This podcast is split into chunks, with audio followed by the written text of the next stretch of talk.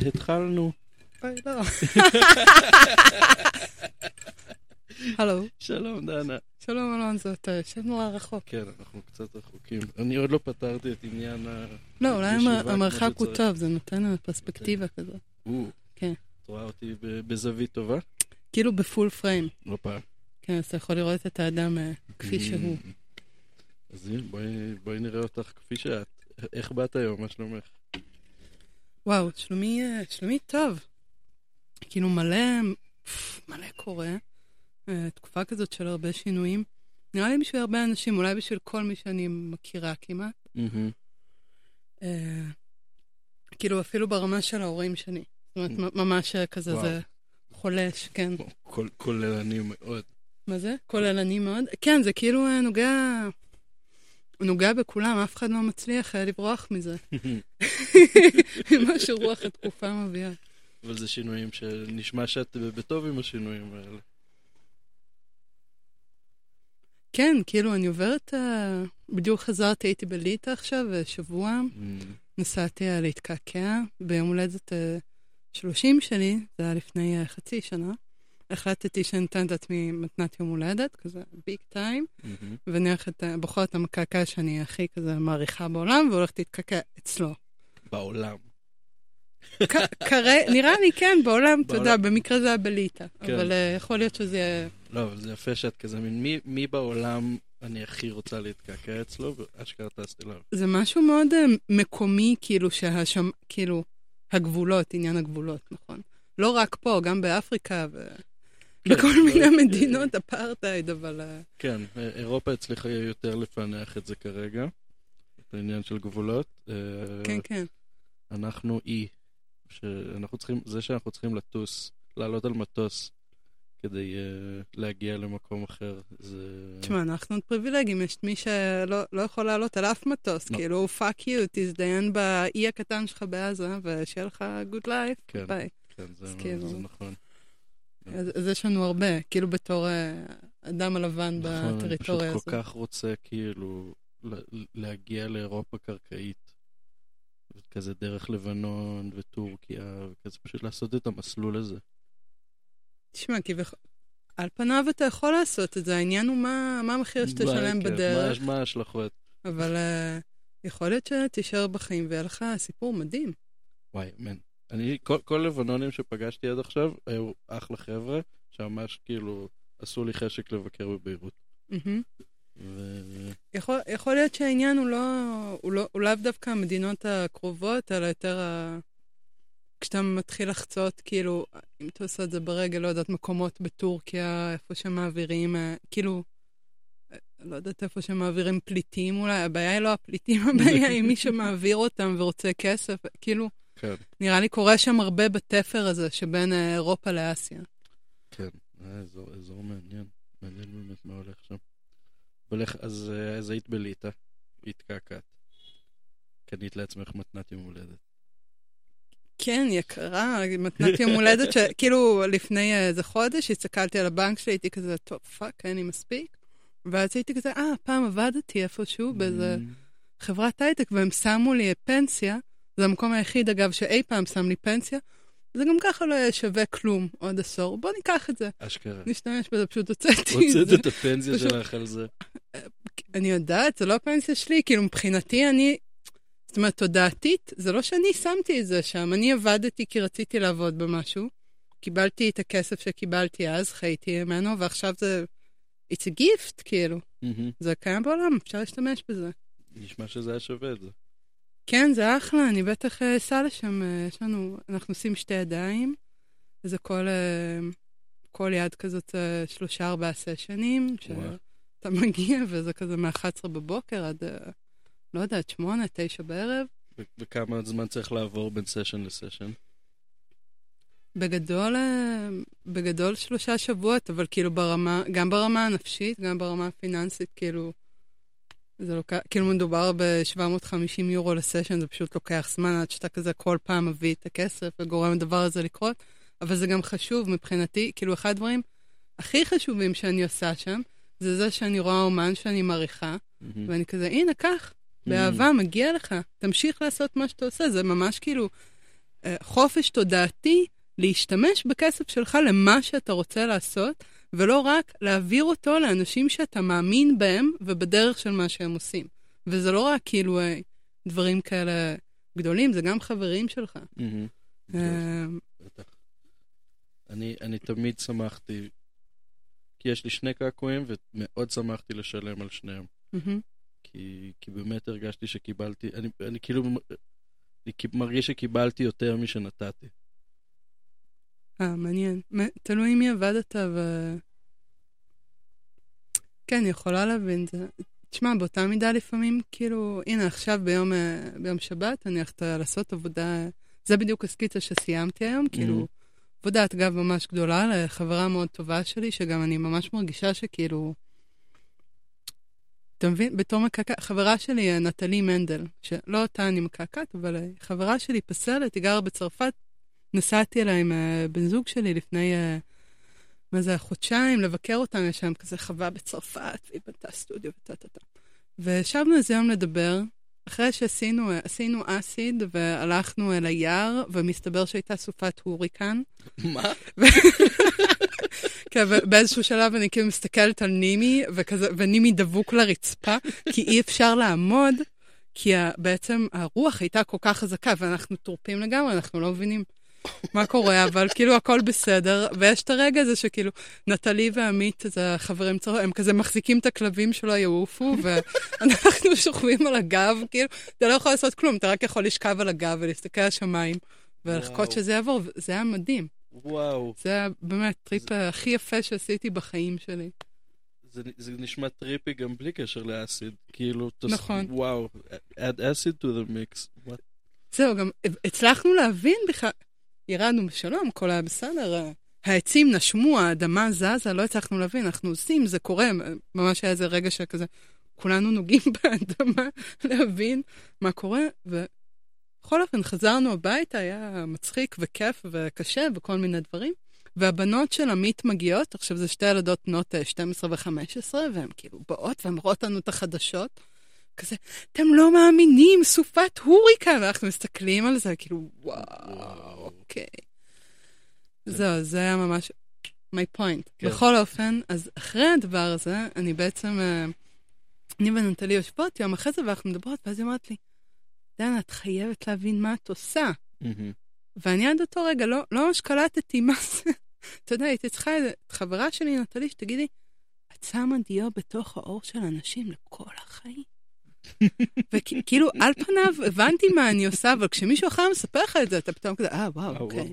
זה- אוקיי, אוקיי. אז עכשיו בגיל 30 אני פוגשת מישהו, אני שמה משהו בתוך האור שלו, וזה יהיה איתו לנצח, ויכול להיות שאני לא אראה אותו עכשיו 50 שנה, או אם- בכלל, אם בכלל, אבל, אבל אני אהיה בתוכו עכשיו את כל החיים שלו. כן, עד כדי כך זה כאילו כן. משמעותי. לא, זה מטורף. הנה, הקעקוע שיש לי על הרגל, הבחורה שעשתה לי אותו, הגעתי אליה באופן רנדומלי לחלוטין. אה, פשוט חיפשנו, כאילו, זה היה בבריסטול, ו- וחבר שהייתי איתו הציע שכזה, והוא כזה, נראה לי אתה צריך לעשות קעקוע. וכזה חשבתי על זה, ואמרתי, אתה צודק. אה, וחיפשנו, והגענו, מצאנו איזה סטודיו שנראה לנו מגניב, עברנו בין כמה, אה, ובמקרה, פשוט שאלנו אם יש מישהו פנוי, והיא הייתה פנויה, והיה לה תיק עבודות מטורף. פשוט מטורף. אה, וקבעתי, ונפגשתי איתה ביום של הקעקוע, היא עשתה לי אותו, הוא אחד הדברים הכי יפים שראיתי, כן, הוא באמת עשוי למופת. וממש. כן, יש בו משהו כזה, הוא נראה כאילו נולדת איתו, נכון? הוא ממש חלק מה... וואי, ממש. מהעור. כן.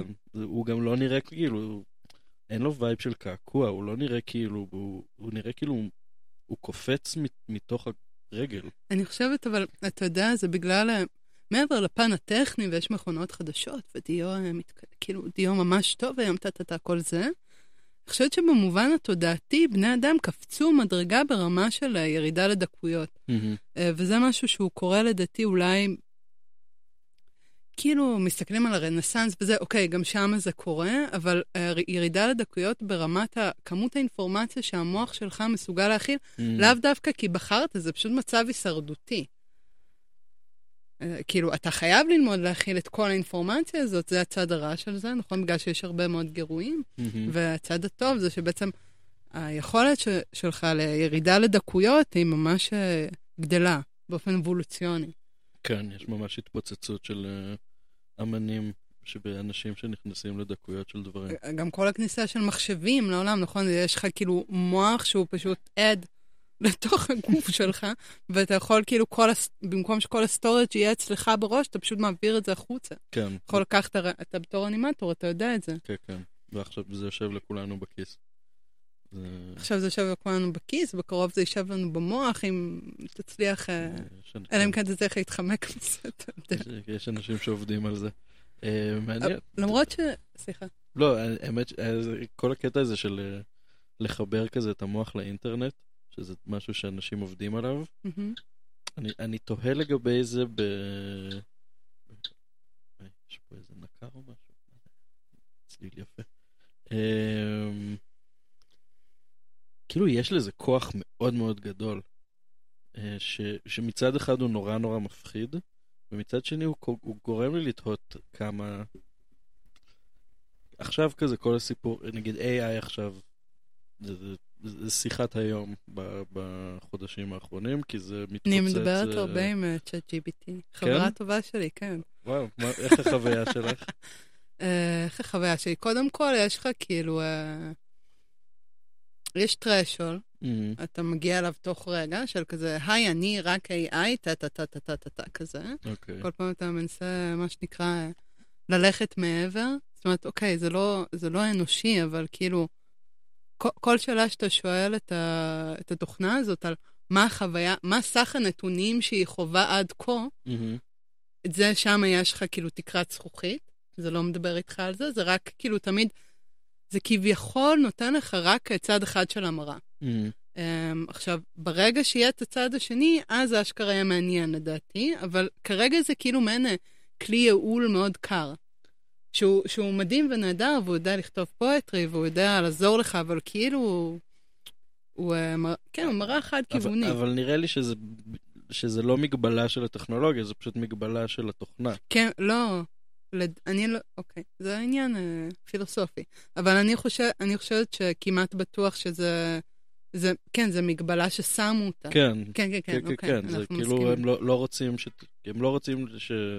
לתת ל-GPT את האופציה להגיע למקומות האלה, או לך אופציה נראה לי לדבר מולך, איתו. נראה לי מול ברמה הזאת. משתמש פשוט, כן. כן.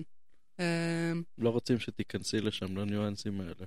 בכל אופן, אה, מה שכן מעניין אותי, וזה כאילו עניין יותר אה, תודעתי, מאשר אה, האם אה, AI הולך לשנות את העולם, obviously כן. כן. But it's not a point, כי כאילו, גם כשנכנסו הטלוויזיות והטלפונים וכניסת האינטרנט שינתה את העולם וכניסת האטום שינתה את העולם. השאלה לאן העולם הולך ואיך אנחנו מסתכלים על זה. ומה שמעניין זה שאם מסתכלת על הדור של ההורים שלי ועל הדור שלפני, ואז אני מסתכלת על עצמי, כל דור אף פעם לא רצה את השינוי, תמיד צלד מהשינוי, תמיד פחד ממנו, ותמיד אמר שסוף העולם מתקרב כשהשינוי הזה יגיע. נכון. מה זה הבאג 2000? כן, וואי, איזה אני כיף. הייתי בכיתה א', ב'. זה צחוק אם היה בבאג 2000. מהמם. כן. ואחרי זה היה מה היה 2012, זה כל פעם כאילו יגיע השינוי הגדול שיפוצץ פוף את הכל, אבל בעצם ההיסטוריה מלמדת שאנחנו כאן, אנחנו כאן לא מעט זמן, כמה מיליארדי שנים, כן, איכשהו אנחנו עדיין שורדים. כן, it's, it still happened, but כאילו הנקודה שלי היא שבעצם אה, יכול להיות שהשינויים האלה, שחוץ, לדעתי יש אה, שני שינויים מאוד גדולים שקורים עכשיו, גם טכנולוגיית ה... אה, artificial intelligent, ומצד שני, יש uh, בעצם, uh, לא הולך להיות כסף יותר. Mm. לא, לא הולך להיות כסף חומר. אה, לא, הכסף חומר הוא ב- ב- מנסים לבטל אותו באופן מאוד אקטיבי. הכי אקטיבי, מה זה מנסים? בנקים ייסגרו לדעתי עוד בתוך מהלך החיים שלנו, הבנקים כן. כפי שאנחנו מכירים אותם. וואי. עכשיו, זה כאילו כן. מפחיד, מצד שני, עכשיו, אני לא בעד, אבל אני כן אומרת שבתוך שינויים יש אה, טווח אה, דינמי מאוד רחב של מה יכול לקרות.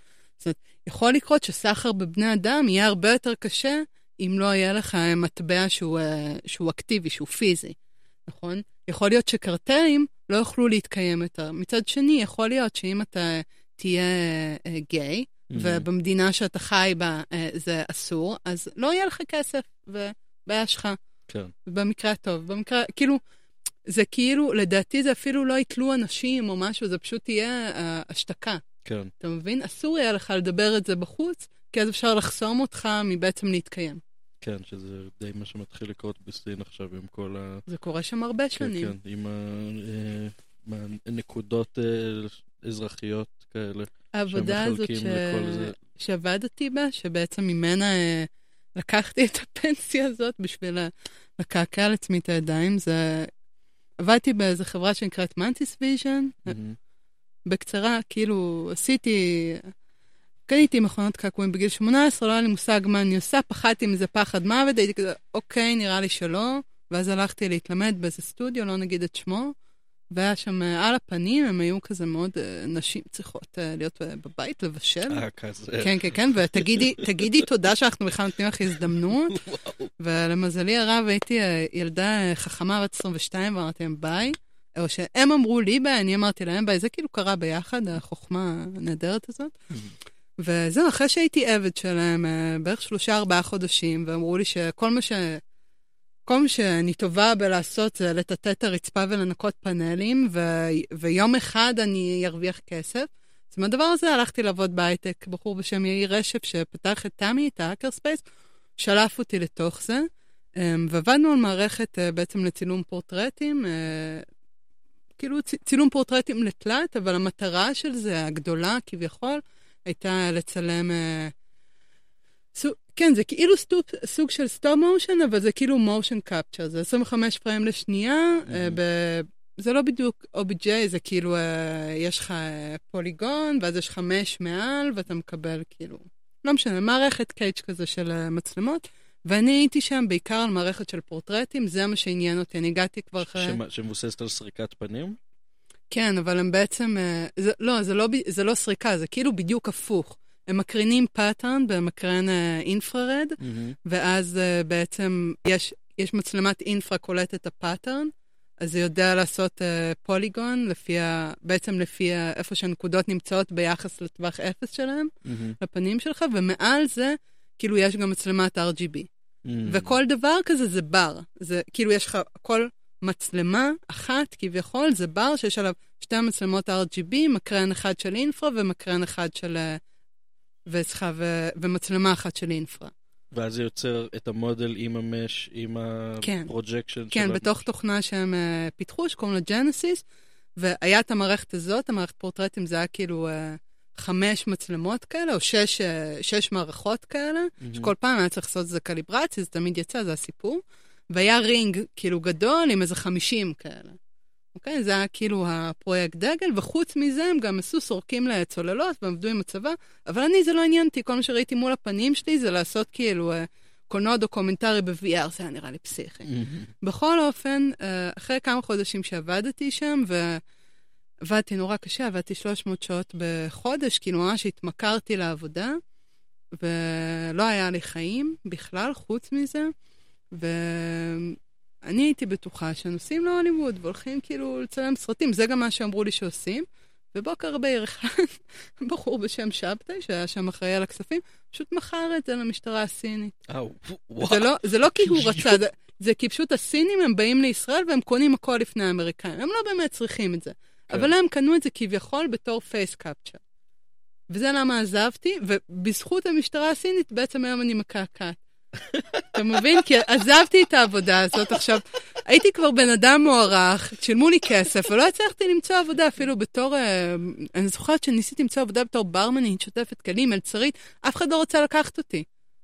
וואו. כן, אז אחרי ארבעה חודשים כאלה, הייתי כזה, אוקיי, fuck it, אני אחזור לקעקע, מאז זה מה שאני עושה. ומאז את מקעקעת. כן, וואו, מטורף. תודה. ו- אז ב- שזה בעצם כבר כמה שנים, כמה שנים? זה זה שש, שבע שנים? מגיל 23, כאילו אני חושבת שבגיל 23 ממש החלטתי שזה זה, מהמם. אה, או זה החליט בשבילי, כאילו, אה, כן. כן, מאז כאילו, אה, כאילו, אתה יודע, בשנים הראשונות לא התפרנס, כאילו, מה זה לא התפרנס? לקח לי הרבה זמן להתחיל לקחת כסף, אחרי זה כאילו מעין... זה, זה כל הזמן סטראגלין, אתה רוצה ציוד יותר טוב, אז אתה כאילו עובד יותר קשה, אז יש לך פחות, אבל יש לך בעצם יותר. רוחנית יש לך רוח- יותר. אתה. מבין? כאילו בעצם ככל שאתה רוצה להתפתח בתוך העולם החומר הזה, לא משנה מה אתה, אתה מוזיקאי, אתה אומן, אתה... אפילו אם אתה עורך דין, אוקיי? ואתה רוצה, אתה רוצה לקוחות טובים יותר, אז אתה רוצה משרד טוב יותר, אז אתה רוצה מזכירה טובה יותר, וכו' וכו' וכו' וכו'. כן, אבל זה בסדר, כי בשביל זה אנחנו פה, כדי להשתמש במה שיש. לא, לגמרי. אבל זה כיף, אה, זה, זה כיף כל פעם להשיג את העוד גאדג'ט הזה, עוד אה, כזה, בטח ברגע שנהיה לך סטודיו משלך, משהו, אה, כאילו זה, זה בטח הרגיש אחרת מ... לא יודע, איפה קעקעת לפני שהיה לך סטודיו? בבית? היה לי, זה עבר הרבה גלגולים, היה לי סטודיו קטן בבית פתקית, מעל הצימר, אה, ישן אם אתה מכיר. אמ, וקעקעתי, הייתה תקופה די ארוכה שחייתי כזה חצי בארץ, חצי בשוויץ, היינו נוסעים הרבה. אמ, זהו, אז כאילו הייתי מקעקעת הרבה בדרכים, Mhm. ואז התחילה הקורונה, ועברתי לחיפה, אז הסטודיו שלי בעצם עבר לחיפה. מהמם. ואז אה, בחיפה קעקעתי בבית, ואז אה, מחיפה עברתי לירושלים, ופתחתי באמת את הסטודיו כאן, ובזמן שעבדנו על הסטודיו פה, עבדתי באיזה סטודיו באבי בלק בתל אביב, כאילו, מהמם. נראה לי מה שיותר נכון זה שכאילו יש איזושהי תחושה של קרקוע, מהמם. אמ, יזום. זאת אומרת, זה לא שכאילו, הופ, אני אה, זרע בעולם, הגעתי אה, לירושלים, והנה אני מנביטה שורשים, זה כאילו מעין, בחרתי לעשות את זה, הנה כן. זה מתחיל לצמוח. ו- ואת מכוונת את השורשים שלך. זה בלתי נשלט. לא, אבל, אבל כן, יש פה הרבה בחירה. תמיד יש בחירה, אנחנו תמיד בוחרים. כן. לא משנה באיזה... באיזה דרך, גם כשאנחנו מרגישים שזכות הבחירה היא לא בידינו, היא בעצם כן. זאת אומרת, גם כש, כשעזבת את, ה, את ההייטק ולא הצלחת להשיג שום עבודה אחרת, מרגישה שזה, שזו הייתה בחירה. ברור, מה זאת אומרת? כן, אם הייתי רוצה באמת, אז זה היה קורה, אבל לא כן, רציתי. אבל ב- לא רצית. תת מודע שלי, הוא לא רוצה. מהמם. הוא לא רוצה את זה, הוא לא רוצה ללכת לעבוד באיזה פאב אה, דמיקולו ברוטשילד ולהגיש אה, סנגריה לכל מיני בחורות על עקבים. הוא לא רוצה את זה. כן. כאילו, אז ברור, דע שזה לא קרה, אבל back at the days אני הייתי כזה, או, אני כל כך מסכנה, אף אחד לא רוצה אותי. כן. אבל זה סתם, זה שקרים שאנחנו מספרים לעצמנו, כן? כשבן אדם באמת רוצה משהו, הוא הופך את העולם כדי שזה יקרה. הוא לא רק הופך אותו, הוא גם, הוא לא בוכה על זה שזה, למה זה לא כאן. הוא מסתכל ואומר, מה? זה אמור להיות פה, איפה זה? כשאתה שואל איפה זה, זה מגיע אליך. כן. אני יכול, אני יכול ממש להזדהות עם זה. זה קצת מזכיר לי עכשיו את ה... את כל הסיפור עכשיו של הפרסום אה, קליפ שעשיתי ביומיים האחרונים. ספר לי. ש... יצא הקליפ ופרסמנו אותו, ואלגוריתם של פייסבוק ממש לא אהב את הדרך שבה הוא התפרסם, והוא קיבל אה, יחסית מעט מאוד חשיפה למה שאני רגיל, אני, אני רואה פעם בשבוע בערך מפרסם משהו. מהמם. אז כבר יש לי איזשהו אומדן של כאילו כמה חשיפת דברים שאני מפר... מפ... מפרסם מקבלים. מהמם. ואיכשהו דווקא הדבר שעבדתי עליו הכי קשה בחודשים האחרונים קיבל ממש מעט חשיפה ביחס למה שציפיתי ורציתי ו- וקיוויתי. ואז, אה, ובהתחלה ממש ממש התבאסתי, אה, ו- וממש כעסתי ו- ו- והייתי עצוב מאוד. אה, ו... אה, ואז אתמול פשוט היה לי רגע כזה של כאילו האגו שלי נפגע מפייסבוק. מהאלגוריתם, מכל איך שהסיפור הזה קרה. אתה לא נוגע בנקודה, אבל ש... אה, האגו שלך לא נפגע מפייסבוק. האגו שלך נפגע משאלה הרבה יותר עמוקה וקיומית, האם אני אה, ראוי להיות אמן? כן, שם הייתה הנקודה. נכון. הפייסבוק הוא רק ה... איזושהי... המתווך של הסיפור הזה. כן, איזשהו ירח בדרך. כן, ממש. ו- והאגו שלי, ש- שאני והאגו שלי ביחסים, אה, אני ת- תמיד מאוד, אה, אני מאוד חושש, חששתי ממנו. אמ, ואתמול הוא, הוא כזה, הוא עלה באופן מאוד מאוד חזק, ובהתחלה לא נתתי לו קול, ואז, ואז כן נתתי לו קול. והחלטתי דווקא לכתוב את, על זה, ולעשות כאילו, לעשות את האקסטרה צעד של כאילו, להגיד כזה, אוקיי, הדבר הזה התפרסם, ואני רוצה שאנשים יראו אותו, אני רוצה לקבל את התגובות, אני רוצה את העיניים, אני רוצה את, את, את, ה, את החוויית צופה, ואני לא מקבל אותה עכשיו, וזה כואב לי, אז אני פשוט אדבר על זה. וזה ממש ממש עזר, כאילו, וכמו שאמרת, ברגע ש... זה, זה בדיוק מה שאמרת, של כזה מין... הנה, זה, זה מה שאני רוצה, זה מה, ש, זה מה שאני מרגיש שכאילו מגיע לי, Mm-hmm. והוא לא קורה, אז גרמתי, אז פשוט הבאתי אותו, משכתי אותו אליי. יש לי הרבה מה להגיד על זה, מהמם. ואני חושבת שזה מתחיל הר- הרבה הרבה לפני, קודם כל החוויה הזאת שחווית, שהיא כביכול הייתה, נכון, באותו רגע חווית משהו שלילי. כן. תראה איזה חוויה מעצימה, חיובית, עוצמתית. עכשיו, הנקודה שלי היא שבעצם אה, דבר הזה שאתה ואני חווים עם האגו, וכל בן אדם על הפלנטה הזאת, כמעט, שעובר בתור, אתה יודע, לא כל בן אדם על הפלנטה, כל מי שנולד בעולם המערבי ועובר במערכת החינוך, מה הדבר הראשון שאומרים לך? אומרים לך, אתה יודע, בתור ילד זה קודם כל, אה, אתה רוצה משהו, אומרים לך, לא, אי אפשר. למה? אתה רוצה, אתה לא יודעת, אתה רוצה אה, לטוס לירח, אוקיי?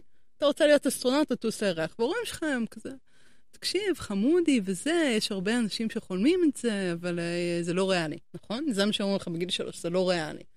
עכשיו, מי אמר מה זה ריאלי? מי החליט את הדבר הזה? ולאורך כל החיים שלנו, רק כאילו מקטינים אותנו, ורוצים להגיד לנו, אל תבחר, אל תהיה מחובר לאגו. כולם יושבים בכיתה, לובשים את אותה תלבושת אחידה, לומדים את אותו דבר. מה זה רצון חופשי? לא קיים, אין דבר כזה. אין דבר כזה רצון חופשי. מי שהכי מקשיב למערכת, הוא יהיה הכי מוצלח, לא מי שמקשיב לעצמו. לא יכול להיות מצב הרי באופן הגיוני, לא יודעת כמה תלמידים עולים לכיתה א' כל שנה, אולי 200 אלף? הגזמתי. לא, אולי 200 אלף כל שנה, סתם זרקתי מספר, אוקיי? לא יכול להיות ש-200 אלף ילדים, כולם רוצים לשבת בכיתה, לסתום את הפה וללמוד אה, אזרחות, לא יודע, על הקמת המדינה. ילד אחד רוצה לשחק בחול, ילד אחד רוצה לצייר, ילד אחד רוצה להשיט יאכטה, ילד אחד רוצה לחקור צבים. I don't know, כאילו. וכל הדבר הזה מגיל אפס הוא מושתק. תשב בכיסא שלך, ועכשיו תהיה בשקט, ועכשיו תלמד, ועכשיו תלמד רק את זה. ועכשיו תקיא את זה, ואפילו ברמה של, אתה רוצה ללמוד משהו של עוד שלוש שנים? לא, אי אפשר. זה הזמן של זה. וכל הזמן אומרים לנו, אל תהיה מחובר לעצמך, אל תהיה מחובר לאגו שלך. תשב בש... משתיקים את זה. ואז כשאתה נהיה גדול, אתה אומר, "אה, האגו שלי, אוי, זה דבר נורא, איזה בן אדם אנוכי אני. כן. אבל בעצם האגו הוא משחרר. הוא, הוא, הוא דבר כל כך, אה, מנגנון כל כך חכם שהטבע יצר. נכון? האגו שומר עליי, הוא עושה שאני ארצה שיהיה לי בית, הוא רוצה שאני אוכל, הוא גורם לי אה, לחפש מי אני. לפעמים הוא גם יכול להיות הרסני, נכון? כמו כל דבר, כמו, כמו הים. כן. נותן לנו מים, אבל הוא גם אה, מביא את הצונאמי. אבל אני חושב שהוא באמת, הוא, הוא הרסני כשהוא, כשלא מקשיבים לו כמו שצריך. הוא, הוא... אבל בהקשבה אין כמו שצריך. בהקשבה אתה, אתה פותח את הפקק, אה, אתה נותן להכל להיכנס. כן. כן, אני, כן, זה כנראה מה שבאמת מפחיד אותי באגו. וב... וב... ובכלל, ב... ב... בלאפשר ל... לרגשות באופן כללי ולתחושות אה, להיכנס. אני חושב שזה... זה הסיבה שכנראה גם הייתי בדיכאון הרבה שנים. של אה, כאילו... אי- אתה לא... אה, חוסר כזה רצון, יכולת, פחד מלהתמודד עם, עם הכל בבת אחת. אה, אז, אז עכשיו בוא נהיה בכלום. וזה, כי זה באמת, אה, תשמעי, זה...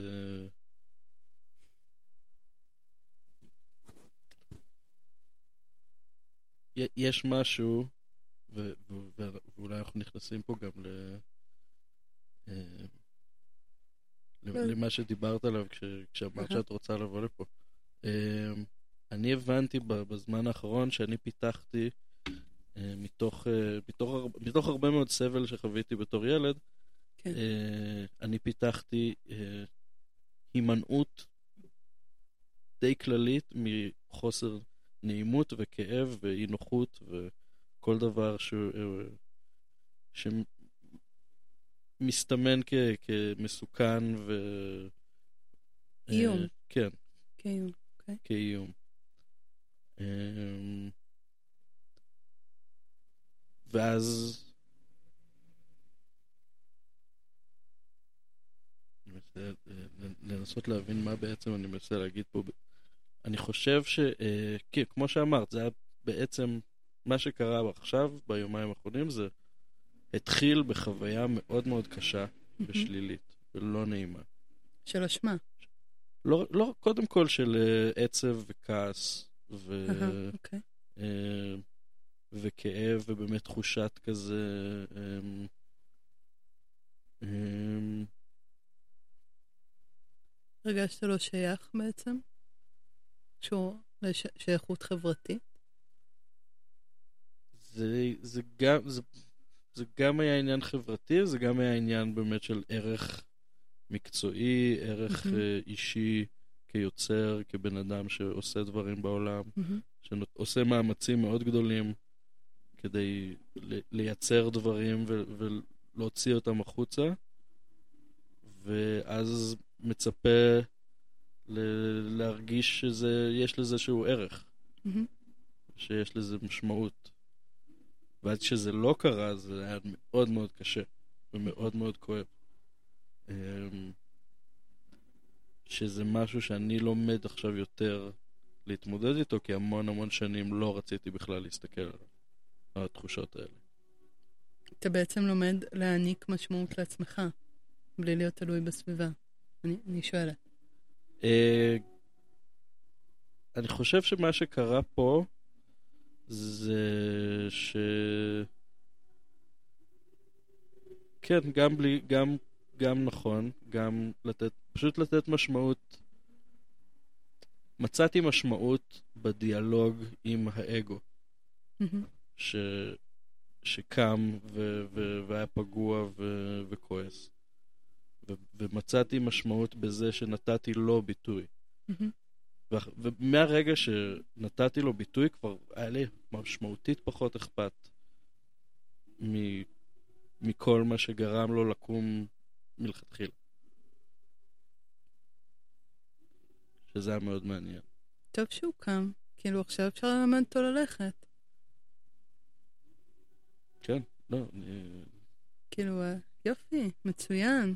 כל, ה, כל דבר כזה שקורה לנו, כואב לנו, אנחנו לא מבינים למה זה קורה. מדהים, אנחנו לומדים מאוד, אנחנו מעמיקים שוב פנימה. נכון, כאילו מעין... זה מה שאדם... אה, כל מה שאדם רוצה בחיים זה שיהיה לו חיים מלאים ורבועים, ואיזה משעמם זה לחיות בסביבה שכל כל דבר שאתה עושה, כולם מוחאים כפיים, כל הכבוד. יופי, יופי. כאילו, אוקיי, בשביל מה לחיות? יאללה, להתאבד עכשיו. כן. זה ש... כאילו, זה שיש מגוון... ד- זאת אומרת, אני יודעת שבתור בן אדם, אה, מה שנקרא... אני עם הרבה נוכחות, לטוב ולרע, אוקיי? וכשאני מרגישה משהו, כאילו, אני פול און בפנים. מהמם. והדבר הזה הוא נוכח, הוא מפעפע החוצה. וזה גורר הרבה דברים, כאילו, אתה יודע, לפעמים זה, זה קטיושות, אנשים פתאום כאילו לא קולטים את התדר, או אני לא קולט אותם, יש כאילו אה, כזה סכסוכים, או, או כזה, כאילו, וזה, וזה it's okay. זה, זה טוב לנער, לשאול, לא באופן אלים, באופן של כזה, מי אני מול העולם, מי העולם מולי, מה נכון, אה, אוקיי, אולי יש... אה, לא יודעת, אולי אני עושה משהו והוא לא מקבל ההדהוד, אז uh, יכול להיות שאני צריכה לחפש את ההדהוד בתוכי, נכון? הרי כאילו, אם אנחנו חושבים... Uh, זה כבר לקחת את זה ממש רחוק, אבל זה בעצם פה קרוב. זאת אומרת, אם אנחנו מסתכלים על העולם הזה, ואנחנו יודעים שפיזיקלית, ואני לא יודעת פיזיקאית, אבל שפיזיקלית בעצם, uh, הרוב הוא לא חומר, זה בעצם יצר התודעה שלנו. מהמם. כי זה מה שיוצר אותו. זאת אומרת, אני חושבת, זה לא אחד לאחד, אבל אני יודעת שאם אני אחשוב ואני אתמקד בדברים שליליים, פתאום כל הד- הדברים האלה הם רק יגיעו אליי. זה ירדוף אותי.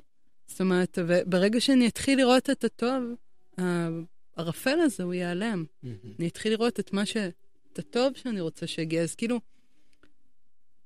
זה כאילו קורה באיזה אופן אורגני כזה. את תמיד היית כזאת אה, ב, ב,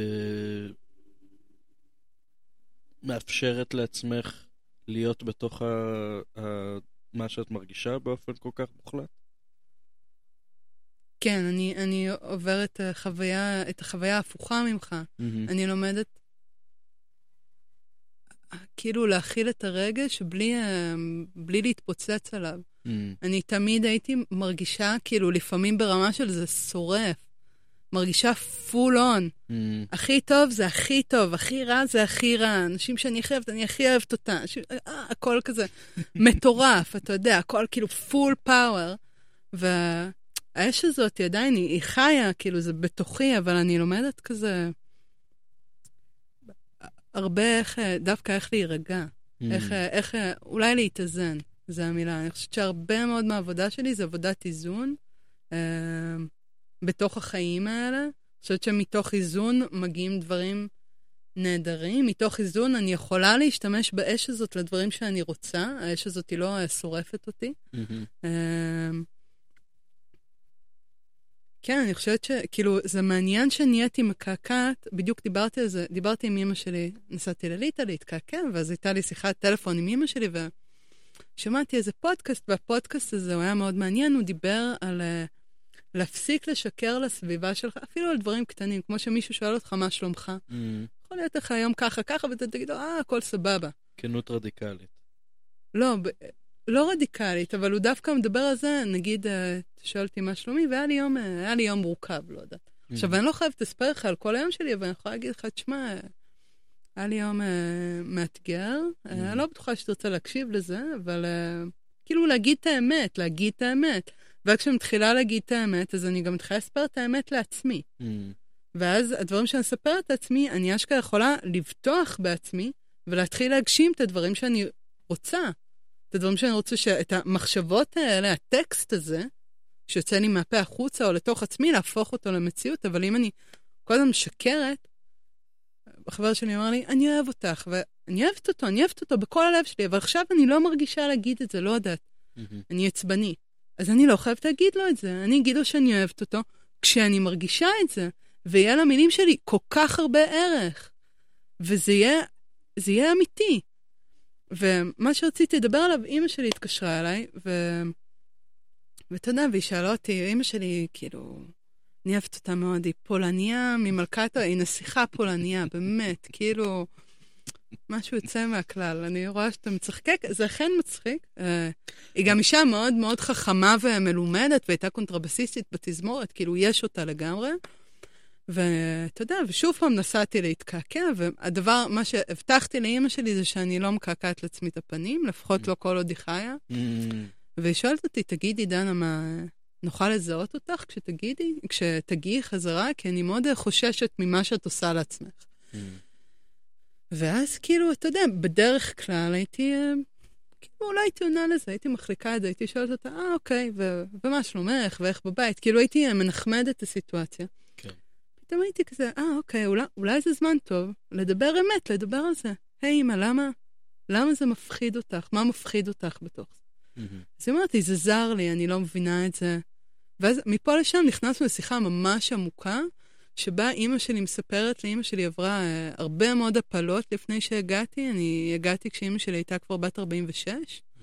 um, ואחריי הייתה גם אחות, יש לי אחות צעירה ממני בשנתיים. Mm-hmm. אז אימא שלי ילדה בגיל 48, שזה כאילו פסיכי. כן. Um, זהו, והיא סיפרה לי על, על החוויות התמודדות שלה עם כאב בתוך 13 הריונות לפניי. וואו. כן, יו. כן, וזה דברים שאנחנו בקושי מדברים עליהם. פתאום מהלדבר אמת הזה, יצא אמת. לא היה שיחת חולין, אה, איך אתה, נה נה נה, טוב, בסדר. כאילו, יש את החיים, את החיים עם האנשים שהם הכי קרובים לך, עם ההורים שלך, עם מי שיצר אותך. זה הדבר המינימלי שאני יכולה לעשות מול ההורה שלי זה להגיד את האמת. כן, כל הגוף שלי הולך להיות מקועקע, זה מה שהולך לקרות, זה המצב. למה אני עושה את זה? אפשר לדבר על זה, אני, אני פתוחה להקשיב, זה לא אומר שאני בן אדם רע, זה לא אומר שאני uh, uh, סדיסטית, מזוכיסטית. אני באיזשהו חיפוש, אני בחיפוש אחרי היכולת שלי להכיל, uh, להכיל כאב, לנשום, להיות מחוברת לרגע, להכיר את הגוף שלי, זה המסע שאני עוברת כרגע, והוא טוב לי, הוא מחבר אותי. זאת הסיבה שאת מתקעקעת? זה חיפוש דרך החוויה של ההתקעקעות? זו שאלה מעניינת, אני חושבת... תשמע, זה קשור להרבה מאוד דברים. קודם כל אני מתקעקעת כי זה מה שאני עושה בחיים, אז ברמה של זה כמו יש מישהו שהולך לסטאז', אז אני הולכת להתקעקע. אז עכשיו אני עושה, אני עושה את העבודה הזאת אצל המקעקע הזה, ובטח אני אעשה אצלו גם שתי רגליים אחר כך, כאילו, ואני לומדת כל, איך הוא מדבר אליי, איך הוא, איך הוא פותח את העמדה. אני מקעקעת כבר שבע שנים, ואני עדיין לומדת מלא. כן. ממישהו שיש לו יותר ניסיון ממני, גם ככה זה לאורך כל ההיסטוריה, נכון? היה את הזקנים, והלכת ללמוד מהזקנים. אה, למה אני מתקעקעת? אני חושבת שזה התחיל, אה, אני חושבת שחיפשתי מי אני, הייתי כמו איזה זיקית. כאילו, אני, אה, כל מקום שהייתי הולכת, רק כאילו, הייתי נהפכת להיות מה שמסביב שלי. עד Mm. היום זה עדיין קצת ככה באיזשהו אופן, ויכול להיות שדרך הקעקועים אני כאילו מגלה מי אני. אתה מצליח uh, לרדת לסוף דעתי?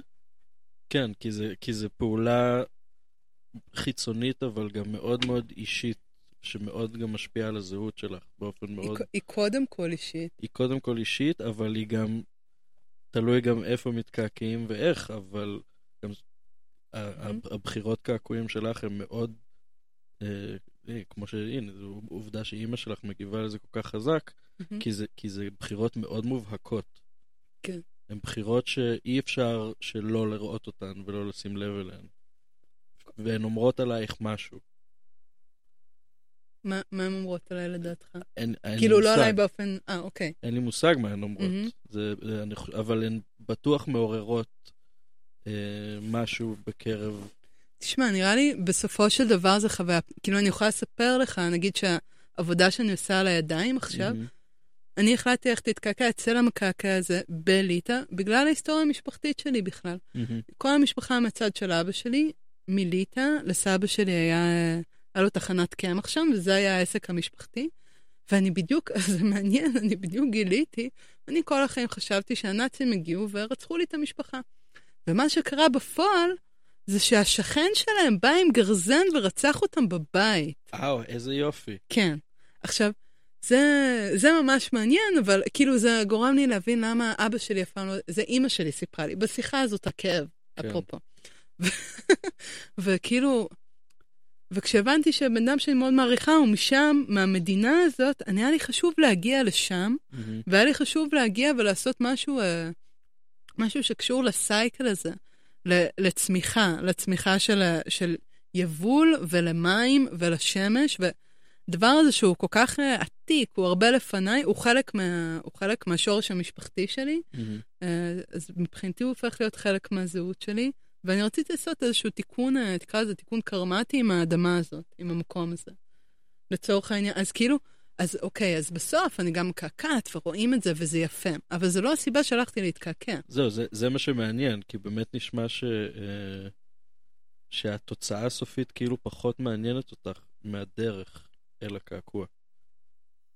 הדרך היא הכי חשובה ברמה של, לדעתי הדרך הנכונה להתקעקע, וזה איך שאני מתקעקעת בשנים האחרונות, זה אני בוחרת בן אדם שאני רוצה לעבוד איתו, ואם יש לו משהו שהוא שלו, אני פשוט בוחרת את זה, אוקיי? זה, מגניב, מהמם. let's do it.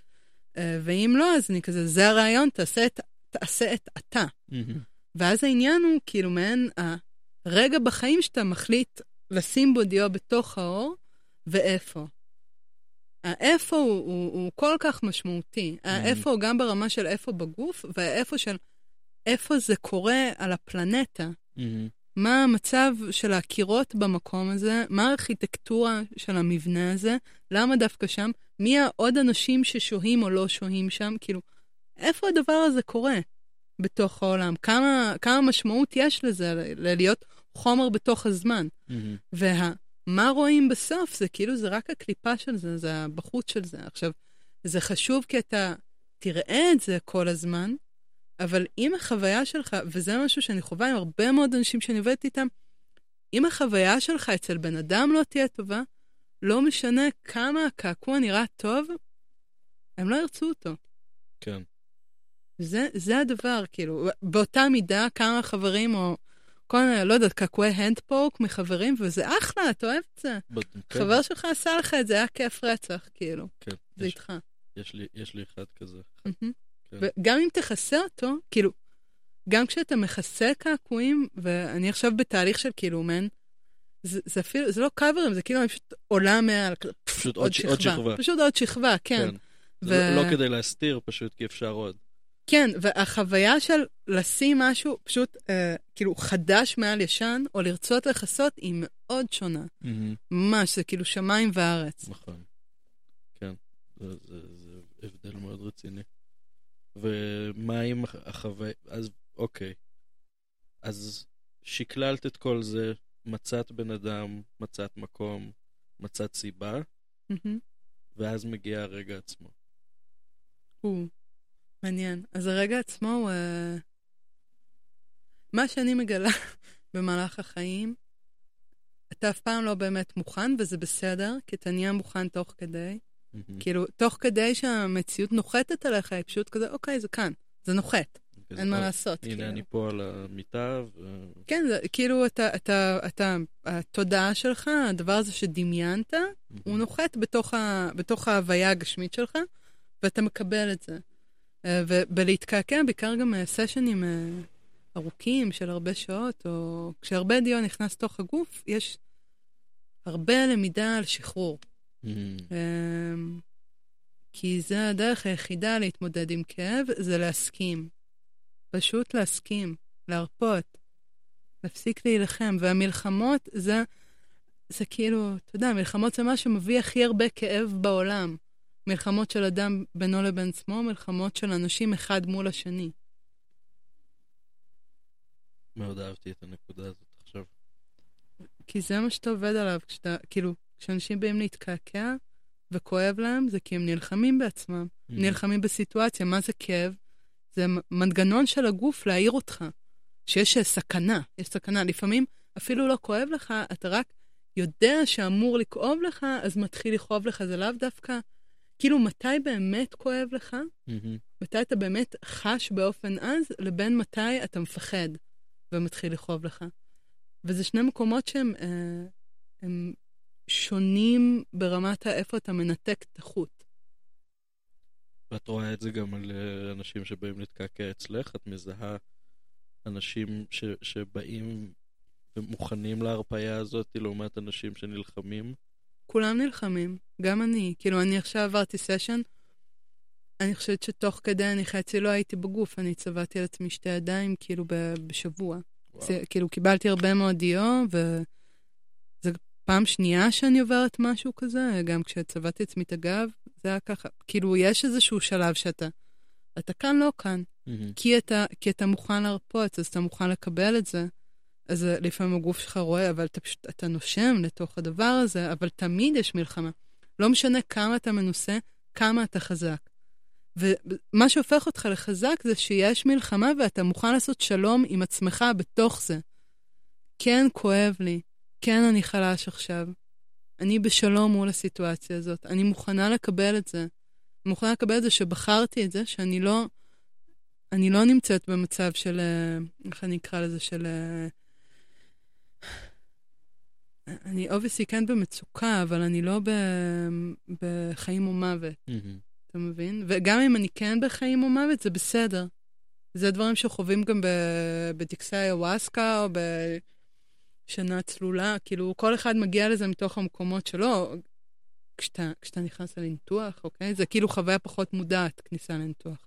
כן. אבל... אה, וזה מקומות מאוד מאוד גבוהים שאתה, אדם יכול לאפשר לעצמו בכניסה לתוך כאב. אמ, זה קורה גם ב re-rebirthing, אם עשית פעם, כאילו, לא. rebirthing, זה מה שלוס עושה. עשית את זה. אז כאילו, אמ, כן, אני חושבת ש, שהכאב יכול ללמד אותנו הרבה אה, על עצמנו ועל החוזק שלנו, ואני חושבת שפגישה עם כאב לא מתוך, אה, גם פגישה עם כאב נפשי, מהמם. אוקיי? אה, אפילו, עזוב, מישהו עזב אותי. אני בחרתי לעזוב מישהו, ואני מרגישה כאב נפשי ואשמה.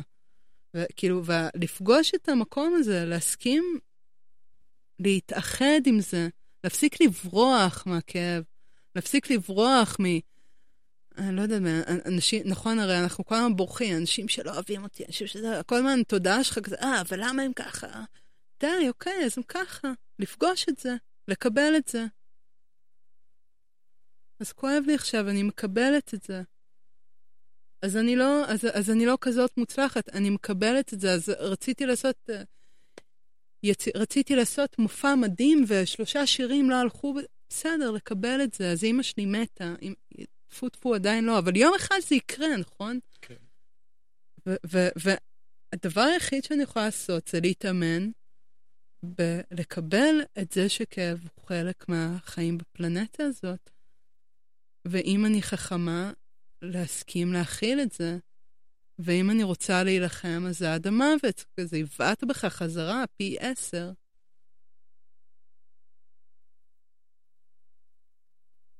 כשאתה נלחם בכאב, אתה תמיד מפסיד, תמיד. אז איך מתרגלים את זה? קודם כל, נשימה זה הכלי הכי טוב uh, להתמודדות עם כאב, mm-hmm. לדעתי. Um, בתוך הכאב יש גם, uh, יש גם סייקלים, יש uh, לופים, שהם יותר, מה שנקרא, בראש, במחשבות.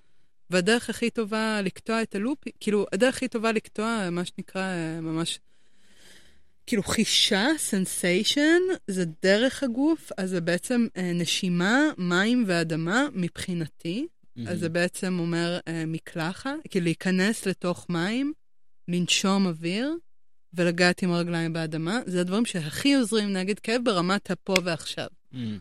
כי זה פשוט קוטע את הלופים האלה.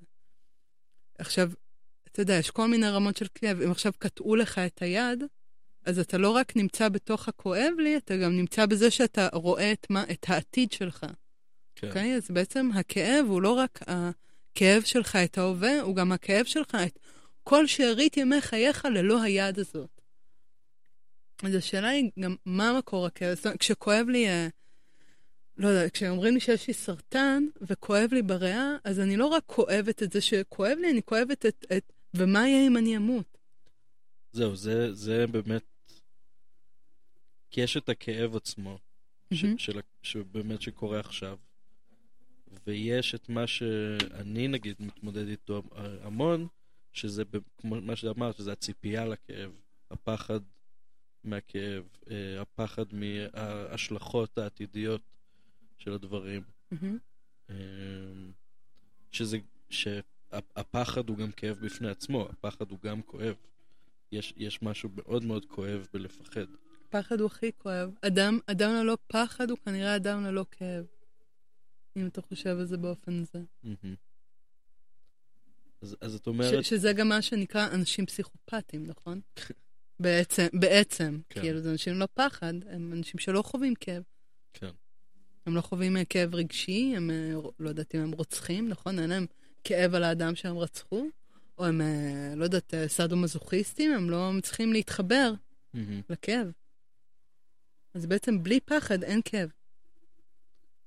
אז, אז, אז מה שאנחנו אומרים פה בעצם זה שפחד וכאב זה אותו דבר? לדעתי האישית כן. ואז להתמודד עם פחד זה להתמודד עם כל כאב. זאת אומרת, ההתמודדות עם הפחד, מה שאמרת עכשיו, אדמה, אוויר, מים. זה, זה ממש uh, uh, בכאן ועכשיו. כן, זה אבל, כאילו מה אתה... אבל, אבל פחד הרי הוא קורה כאן SOS ועכשיו. כזה. מה זה? אני אומר שפחד הוא כאן ועכשיו. גם אם פחד הוא ממשהו מהעתיד, הפחד עצמו קורה עכשיו. תשמע, את זה אתה יכול להגיד על הכל בחיים. נכון. אבל... אמ, כן, אין ספק שפחד הוא... אמ,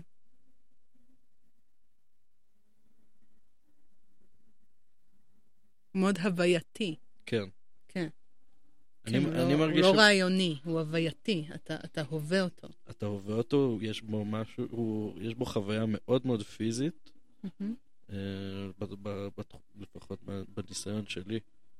אה,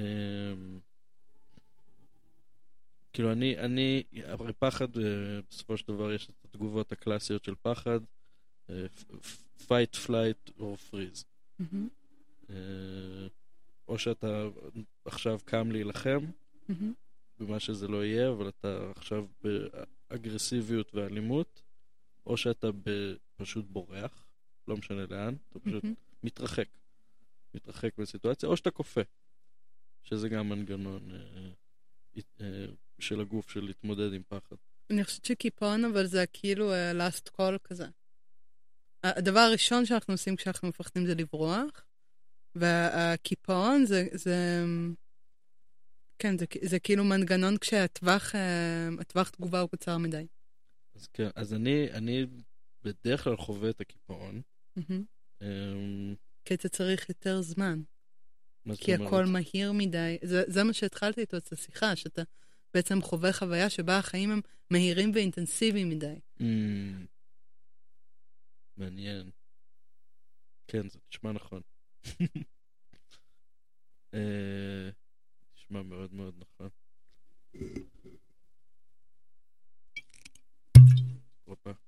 כן, אני עושה- זה רגע. שנייה.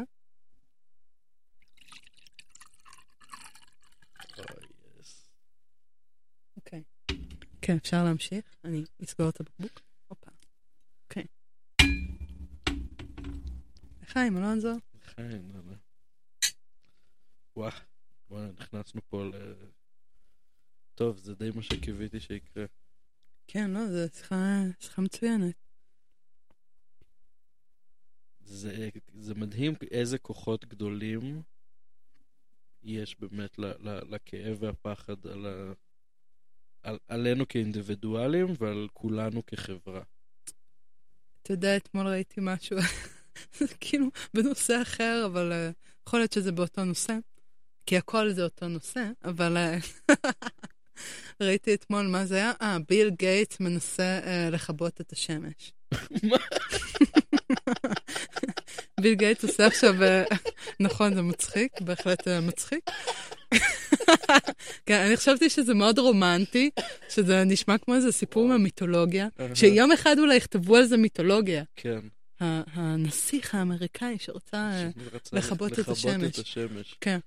למה? כדי להילחם בהתחממות? יעני, כן. וואי, אוקיי. אתה מבין? אה, כאילו, אז זה מעניין עד כמה הפחד יכול לקחת אותך רחוק. אני לא יודעת אם הוא ברמה אישית מפחדת מזה, מפחד מזה, אולי, אולי הוא מפחדת, אין לדעת, אבל כולנו מפחדות.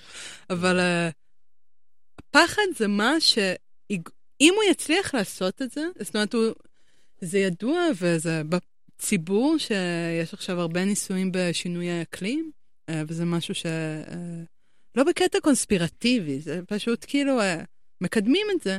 ביל גייטס הוא אדם הרבה מאוד כסף, והוא מקבל, הוא מקדם ניסויים בשינוי אקלים, כביכול תחת הכיפה של לעצור את ההתחממות הגלובלית.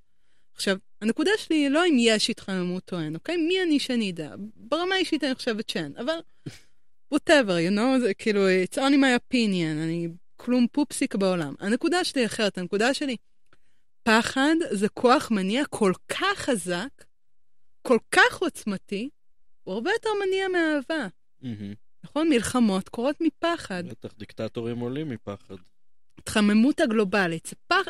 כמה דברים זה מניע? למה, למה אנשים התחילו לזרוק את הבקבוקי פלסטיק שלהם לתוך ה fucking מחזורית, ולא לפח? כי ההתחממות הגלובלית, כי זה מפחיד. אם היו אומרים.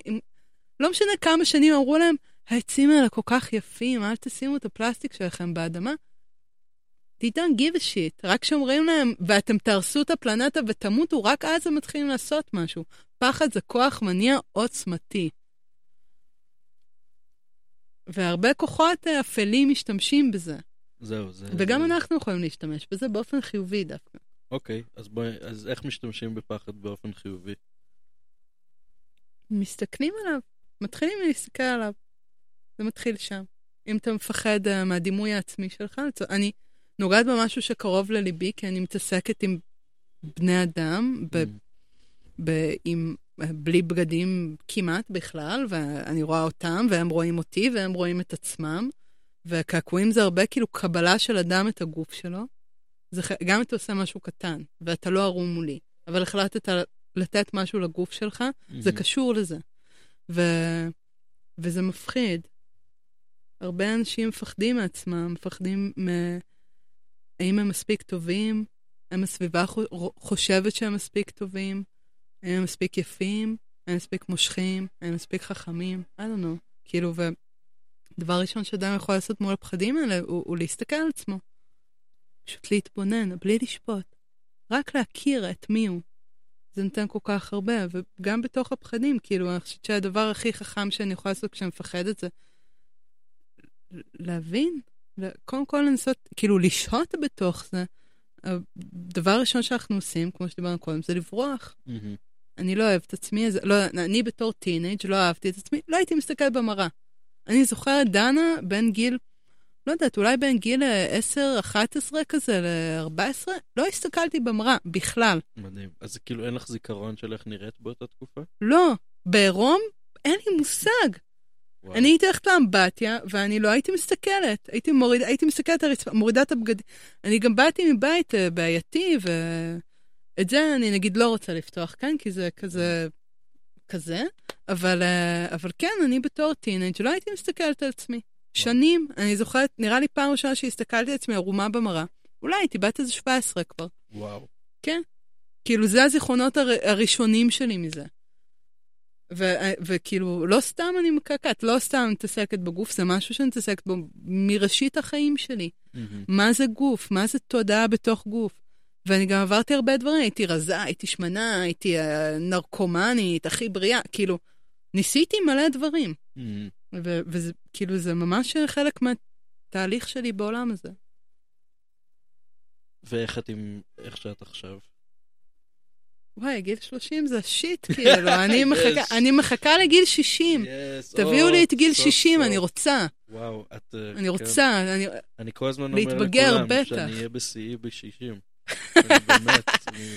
לא, לכל, תשמע, לכל דבר יש את הזמן שלו גם. כן. אבל uh, אין ספק, תשמע, ככל ששנים עוברות, גם, כאילו, עמודי התווך הם, הם מתייצבים. עכשיו, זה תלוי מאוד באיזה חומר בנית. Mm-hmm. נכון, יש את הסיפור על שלושת החזרזירים. Mm-hmm. אז כאילו, ממה אתה בונה את עצמך? מי הסביבה שלך? מה אתה חושב? במה אתה מאכיל את עצמך? Mm-hmm. וזה הרבה קשור לאגו, זה מה שדיברנו עליו קודם. וכש... לא יודעת, כשאכלתי את עצמי בשיט, אז, אז זה גם היה נראה ככה, כל הזמן הייתי מתפרקת. הייתי מנסה לבנות תדמית, אתה יודע, לא תדמית מול הסביבה, תדמית עצמית. Mm-hmm. הרי מה בן אדם מנסה לעשות? מהרגע שהוא מגיל שלוש, אפרופו מסתכל במראה, בגיל שלוש אתה מתחיל, יש לך ניורוני מראה, אתה מתחיל להבין, אה, ah, אני, זה אני, זו הסביבה, זו הסביבה, זה אני, אנחנו לא אותו חומר, אנחנו לא אותה תודעה. ומהרגע הזה, כל העבודה של האדם בפלנטה היא מי אני ומי הסביבה. מי אני, מי הסביבה, מי אני, מי הסביבה, טה-טה-טה-טה-טה-טה-טה, דבר הזה. וכשאנשים נגיד בדיכאון, זה אנשים שהם אה, מחוברים רק לתוך המי אני. הם לא, הם לא צריכים להיות מחוברים לסביבה.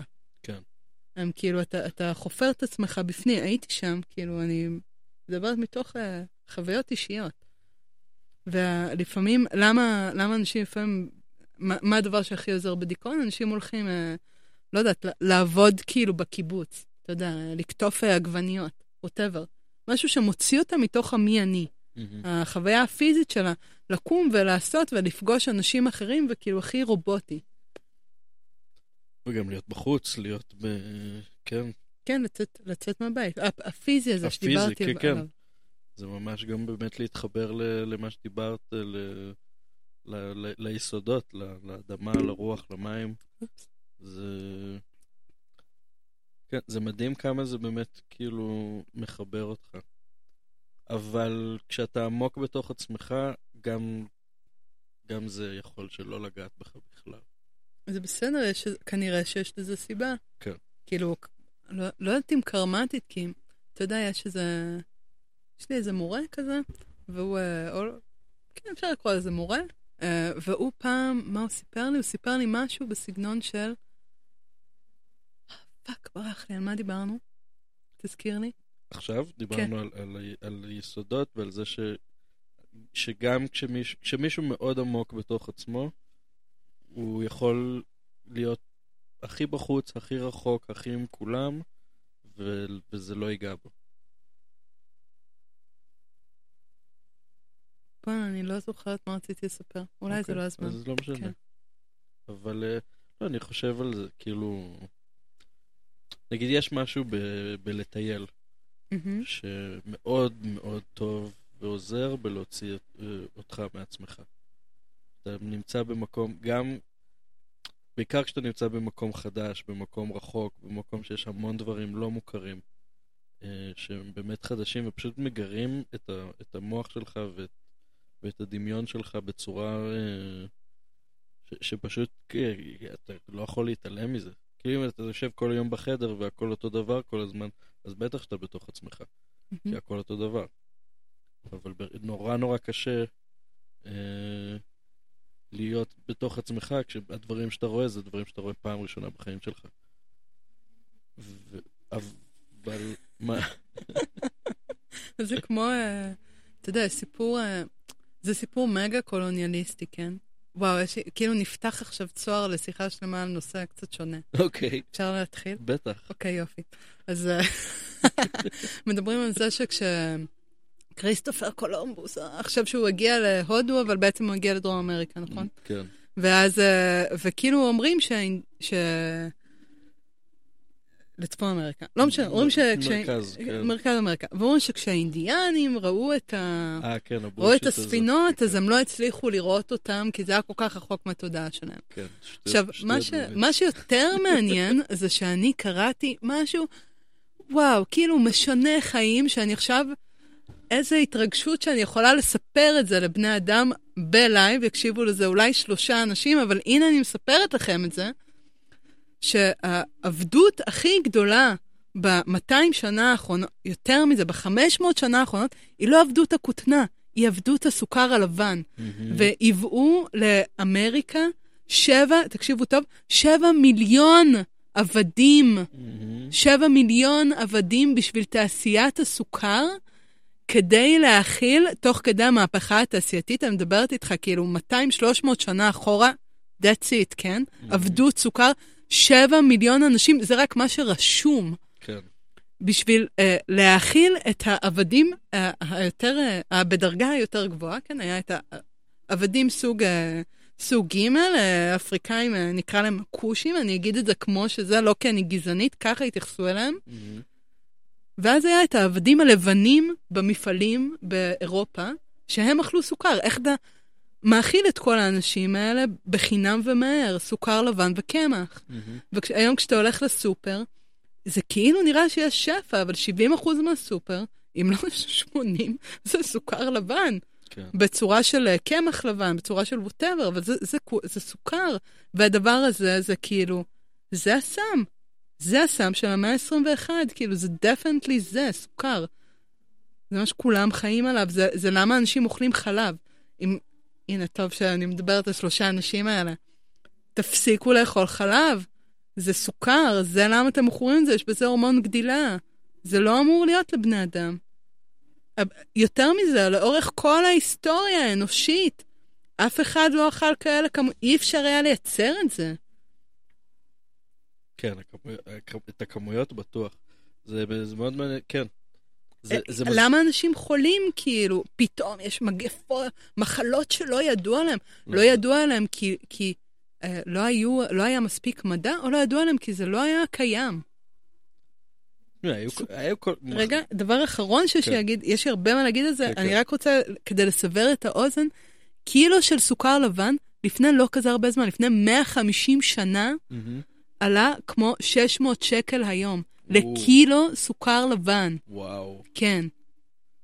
אולי זה 200, זה כאילו לפני שזה התחיל להיות מתועש, זה היה דבר יקר בטירוף, בטירוף, בטירוף. אף אחד לא יכול לאכול את זה, אף אחד לא, רק המלוכה יכלה להרשות את זה לעצמה. כן, כשהייתי בבריסטול, איפה שעשיתי את הקעקוע הנחמד שלי על הרגל, אז בריסטול היא אחד הנמלים המרכזיים של, אה, של סחר, סחר העבדים מהמם, באנגליה. זה אה, ממש. היה, זה, זה, בריסטול הייתה אחד מהקודקודים מהמם. של המשולש. כן. כש, כשהמשולש הוא אנגליה, אפריקה, ובאמת מרכז, אה, דרום, דרום ומרכז אמריקה. מהמם. שבאפריק...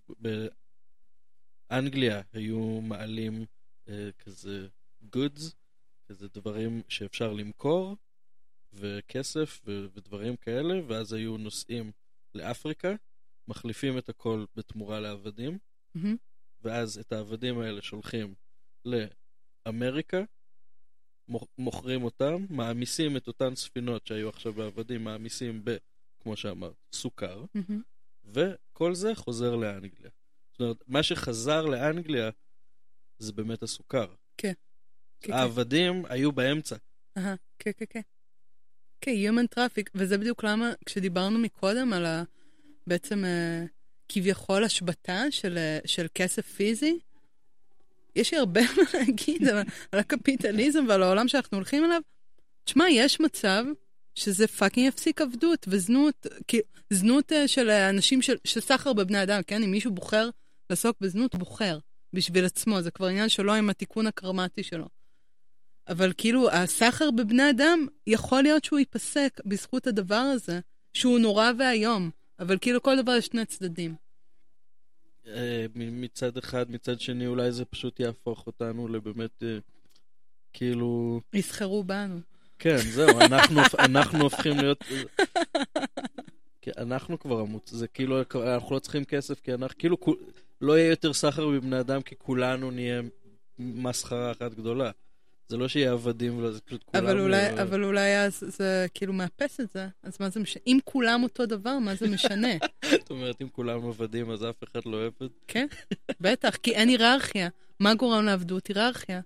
לא, אבל אני עדיין, מעליך, אז אתה מתחת, אז אתה העבד שלי. אבל עדיין הוא גורמי שליטה וגורמי כוח. אם כולם עבדים, כולם עבדים, מה זה משנה? לא, אבל אם כולם עבדים, זה אומר שיש מישהו ששולט בהם. ברגע ש... הרי כל, כל סיפור... אז לא כולם עבדים, אתה מבין? כן. אוקיי, אז, אז, אז לא כולם אז עבדים. לא כולם אז אתה עבדים. יכול לבחור לא להיות עבד. Hmm. אם לא כולם עבדים, אתה יכול לבחור. צריך לחזור ל... אולי, אולי אם זה יקדם כזה חזרה לכלכלה של סחר חליפין. זה בטוח, זה כבר קורה, אבל. כן, זה כבר קצת קורה. זה קורה מלא. אני, אני ממש בעד. כל אני- החברים שלך שאתה רוצה, לא יודעת, אה, היי אלונזו, תעשה לי קליפ. אוקיי, רוצה קעקוע בתמורה? I don't know, whatever. או אה, כזה, בוא אני, יבוא, אני אעזור לך, אני אעשה לך צילומים, טה, טה. whatever. כאילו, אתה עושה את זה עם חברים שלך, זה קורה. זה- או חברים שלך אומרים כזה, כרגע אני לא רוצה ממך כלום, קח את הכסף שלי, תמשיך לעשות עם זה את מה שאתה רוצה. זה גם סחר חליפין. כן. אבל זה עדיין, בסוף הרי... בסוף מה שמשנה זה שאתה מצליח, שיש לך קורת גג ויש לך משהו לאכול. ו... וברגע ש... כן, זה מה שמשנה? מבחינת הישרדות, כאילו, יומיומית. נראה לי שבסוף מה שמשנה זה שאתה לא משגע את עצמך. יש אנשים עם קורת גג, עם... יש אנשים מיליארדרים עם קורת גג ומה לאכול, והם כאילו מתים מבפנים. נכון. לא, אני לא אומר שזה כל מה שצריך. אבל אני אומר שבלי זה... זה, כן, זה בסיסי. זה אכן אה, בסיס הקיום אה, על החיים כן, זה- הטובים יותר, אין כן. ספק. אז, אה, בלי זה אה, אנחנו נהיה בבעיה. ואנחנו כבר בבעיה, כי פאקינג, כאילו, השכר דירה שלנו רק ממשיך לעלות, והדירות של- שלנו נהיות יותר ויותר קטנות, אה, והאוכל שלנו... אה, תשמע, כאילו זה מצד אחד. מצד שני, כאילו עד לפני... אה, זה משהו שאבא שלי אמר לי כשאני הייתי די צעירה, לא יודעת, אולי הייתי בת איזה 22. אני ואבא שלי לא דיברנו הרבה שנים ביחד, כאילו לא דיברנו הרבה שנים, הוא מאוד רצה, אני הייתי כאילו ממש אנטי.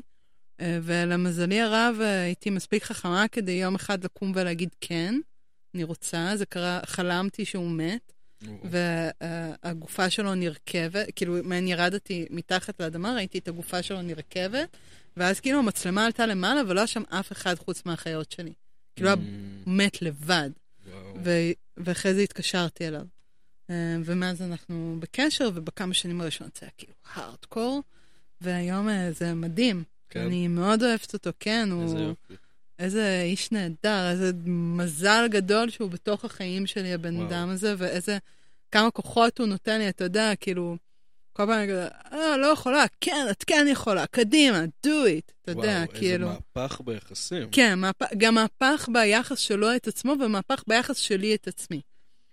כאילו, הרבה, הרבה דברים קרו לכל אחד בצורה אינדיבידואלית, כדי שיאפשרו את המפגש הזה חזרה. מדהים. אבל הנקודה שלי היא אחרת. הנקודה שלי, שכשרק חזרנו לקשר והכל היה כסח וכאפות לפנים, אז גם, אני זוכרת שזה יום הוא אמר לי, אה, כי הוא ניסה לנער אותי, הוא אמר לי, דנה, לפני 300 שנה את היית חיה בעורווה וקמה כל בוקר בשש בבוקר לנקות את הקקי של הסוסים, תגיד תודה על מה שיש אה, לך. זה, זה שהאיכות חיים שלנו בגדול רק עולה. של מעמד הביניים, אתה במעמד הביניים, כן, זה כן, מה שלי. שנולדת עליו. המ- המעמד שלי. אתה חי היום כמו, אני חי... like a king, יותר, כאילו. יותר יותר טוב טוב מלואי כנראה. 14. כנראה באמת שכן. יותר טוב מלואי 14. היה לי, וואי, היה לי שיחה. היה לי כמה שיחות כזה עם חברה שהיא ממש כעסה עליי אחר כך. שניס- אהה. ניסיתי לעודד אותה אוקיי. ולהראות לה שה- שהאנושות בגדול כן מתקדמת, כאילו למקומות חיוביים, וש... כאילו שאם אם פשוט נ- נשרוד ונמשיך אז, אז יהיה בסדר. אמ, והיא כזה, רק עשתה לי כזה, לא, אבל זה גרוע, וה- והזכויות אה, האלה, והזכויות של אלה, והזכויות של אלה, והזכויות של אלה. ו- ותראה מה קורה פה ומה קורה שם. ובאמת אמרתי בואי ניקח את הפרספקטיבה הרחבה הזאת של לפני 100 שנה, 200 שנה, 500 שנה, אז- 3,000 אפ- שנה. אפילו לא זה, אנחנו אולי 20% מהעולם חי כמונו, כאילו זה ממש מעט ביחס לרוב ה... כל אסיה, כל אפריקה וחצי מדרום אמריקה. אבל אבל השאלה היא, האם האיכות חיים שלהם ביחס לאיך שאנשים חיו באותם אזורים, גם כמה שנים קודם, כאילו, אפילו, פשוט, אה, אה, את יודעת, עצם זה שהרפואה התקדמה לאן שהיא התקדמה, גם אם לא לכולם יש גישה אליה כמו שלנו תשמע, יש יש גישה לי אליה. הרבה מה להגיד גם על זה. וואו, אין סוף, אין סוף. מה זה אומר להתקדם ברפואה? מה זה אומר מדע?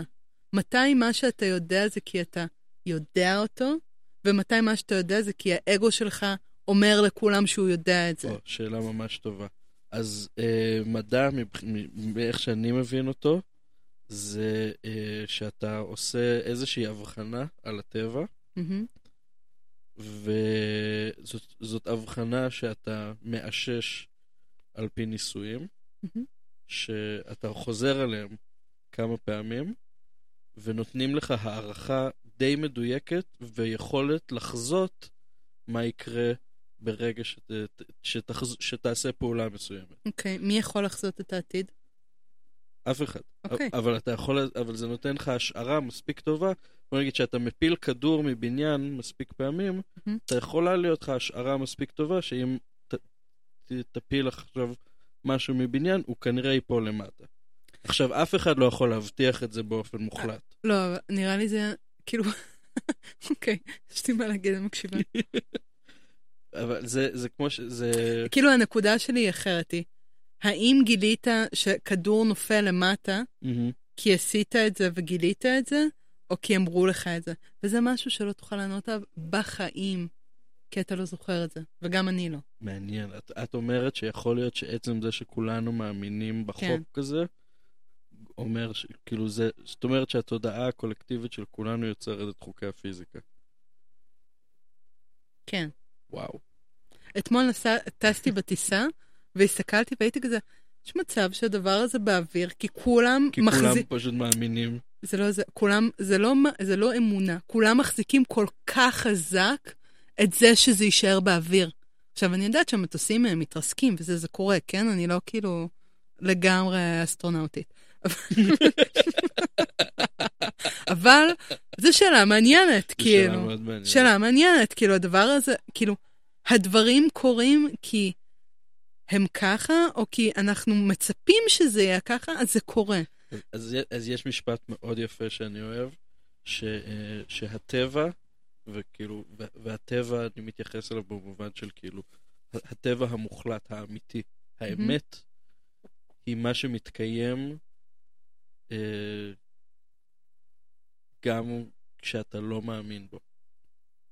האמת היא גם, היא מה שמתקיים גם כשאתה לא מאמין בו. אה, זה כמו שאנשים אוחזים, אה, זה כמו ש... כמו שאנשים אוחזים את השקר שסיפרו להם, גם אם אומרים להם שזה כבר לא האמת. כן. זה קצת כזה. זה- וזה משהו שהוא, שהוא מוכח, אפרופו מדע, מוכח מדעית. כל עולם פרסום עובד על זה, כן? מהמם. אז, אה, אז כאילו יש איזשהו משהו שממשיך להתקיים, גם אם לא תאמיני בו, גם אם אף אחד לא יאמין בו, מהמם. וגם אם אף אחד בכלל לא ידע שהוא שם, והוא ימשיך להתקיים, אז הוא, הוא הטבע. לדעתי הטבע הוא סימולטני, אם אתה שואל אותי. הוא, הוא רב-מימדי. Mm. כאילו, that's how I see it. אם, אם אתה, כאילו, אתה יודע. לי, ל... אין, לדעת, כן? זה, זה פילוסופי. כן, לא, ברור, כל, השיחה, כל השיח כזה, דקות האחרונות הן? ספקולטיביות לחלוטין. האם אנחנו כאן? אנחנו יושבים על הספה? אני, נגיד, לי יש כזה מחשבה כזה שלפעמים זה, זה די קרוב למה שאת אומרת. אה, לפעמים אני תוהה כזה, האם חוקי הפיזיקה מתפתחים עם הזמן? זאת אומרת, האם אנחנו... האם היקום מתרחב? כן, לפי. התיאוריות הפיזיקליות, כן. בדיוק, אז האם, אז האם גם החוקים עצמם מתרחבים? אם הכל מתרחב, הכל מתרחב. אז זה אומר שהחוק... כמו, ש, כמו שהגיל, נכון? גיל האדם, מהמם. זמן החיים מתרחב. משחר ההיסטוריה זמן החיים מתרחב. אה, אלא אם כן משהו קטע אותו באמצע. זהו, האמת שלפי מה שהבנתי זה לא כל כך נכון, פשוט מהמם. יותר אנשים מתו בגיל צעיר יותר. הממוצע. הממוצע כאילו כן, כן, כן. התרחב. אה, אה? אבל בגלל שיותר אה, אנשים, that's a good point. כן. יותר אנשים מתו בגיל צעיר יותר, אז הממוצע היה יותר נמוך. אבל הגיל הכללי של בני אדם, ה- היכולת של בני אדם לחיות לאורך תקופה לא מאוד השתנתה. אמ, אנחנו כן מגיעים עכשיו, יותר ויותר אנשים מגיעים לגילים מאוד מופלגים, שפשוט לא הגענו אליהם קודם. אה, וזה קצת גורר כל מיני עניינים כמו כזה מין דמנציה ואלצהיימר, אני לא בטוחה לגבי זה. בעיות ש- שקורות בגיל האם מאוחר. דמנציה ו- ואלצהיימר קורה בגיל מאוחר בגלל שהגיל שלך מתאחר, או בגלל שהיכולת של הגוף לפרק רעלים הולכת ופוחתת? אמ, It's not the same.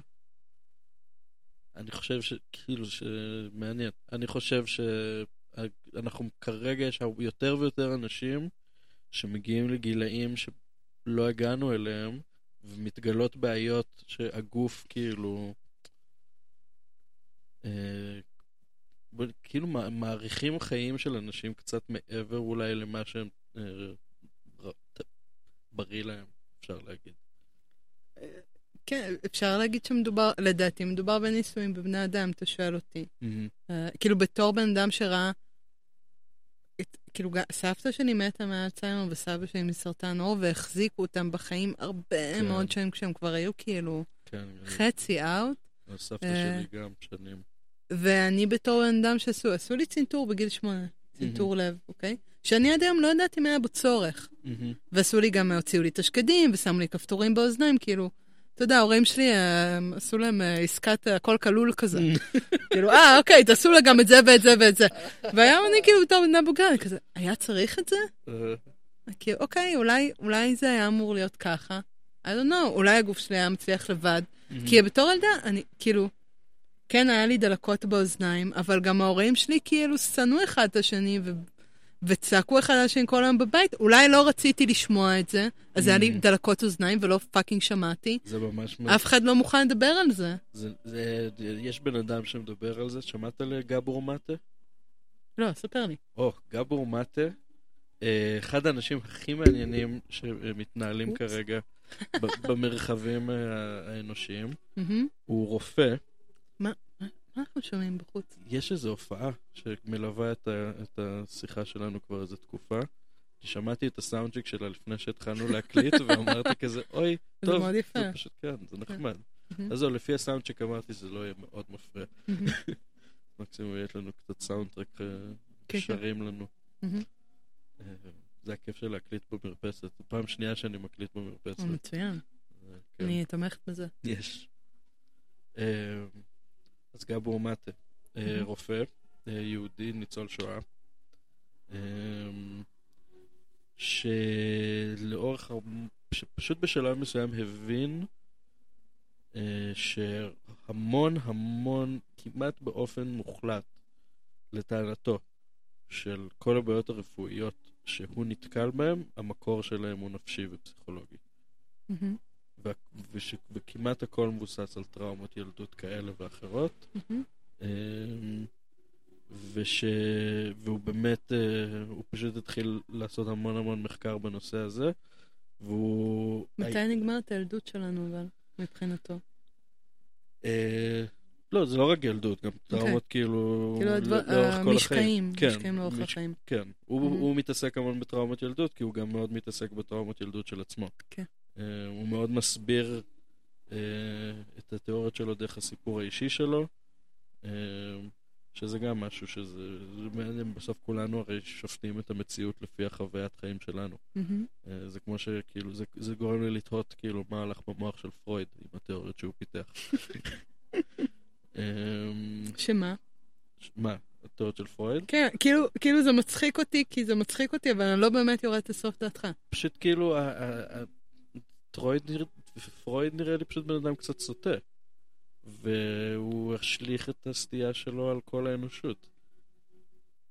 אולי, אולי יש סטייה משותפת. אולי יש סטייה משותפת, קולקטיבי. ואולי כולנו תוצרים של זה שפמפמו לנו את הסטיות של פרויד. זה מאוד יכול להיות. אה, אני לא בטוחה, אולי אני ברת מזל, כי אני לא... אימא שלי, כאילו, היא עובדת סוציאלית, כאילו, אחרי שהיא הפסיקה להיות קונטרבסיסטית בתזמורת, היא נהייתה עובדת סוציאלית, אבל... אה, כש- כשהחליטה להרוויח כסף, היא נהייתה עוד... That's funny. אבל... אה, כן, תשמע, אני לא, כאילו, דעות של פרויד הם, די, כאילו, מעכשיו, ואחריו היה קרל גוסטב יונג, נכון? שזה כאילו יותר החלימה ותת מודע וטה טה טה, ופרויד היה מאוד עם ההורים, כזה. אז פ- פרויד מין די היה הראשון שהתחיל בכלל להתעסק כזה בפסיכואנליזה, ט- טבע את כל הסיפור הזה. אה, יונג היה התלמיד למרות, שלו. למרות שאם אתה מסתכל היסטורית, כאילו, גם אה, סיפורי העם, אה, לא, מיתולוגיות, ברור. כולם התעסקו באותם לא, דברים. בט- לא, ברור, בודהיזם ודת, ודתות והכל זה כאילו, זה הכל נפש וגוף וכאילו היחס שלך לזה. פשוט אה, הוא באמת אה, לקח את זה לכיוון... אה, לא רק, היחס שלך למשפחה, מה זה כל המיתולוגיה כן. היוונית, כל המיתולוגיה ההינדית. זה בן אדם, זה כאילו האלים, אבל כן. האלים הם אחים, הם בוגדים, הם האבא, הם הילד, הם הדוד, הם הזה, כאילו... כן, האמת שהיוונים די מוכיחים שזה הסטיות לא התחילו אצל פרויד.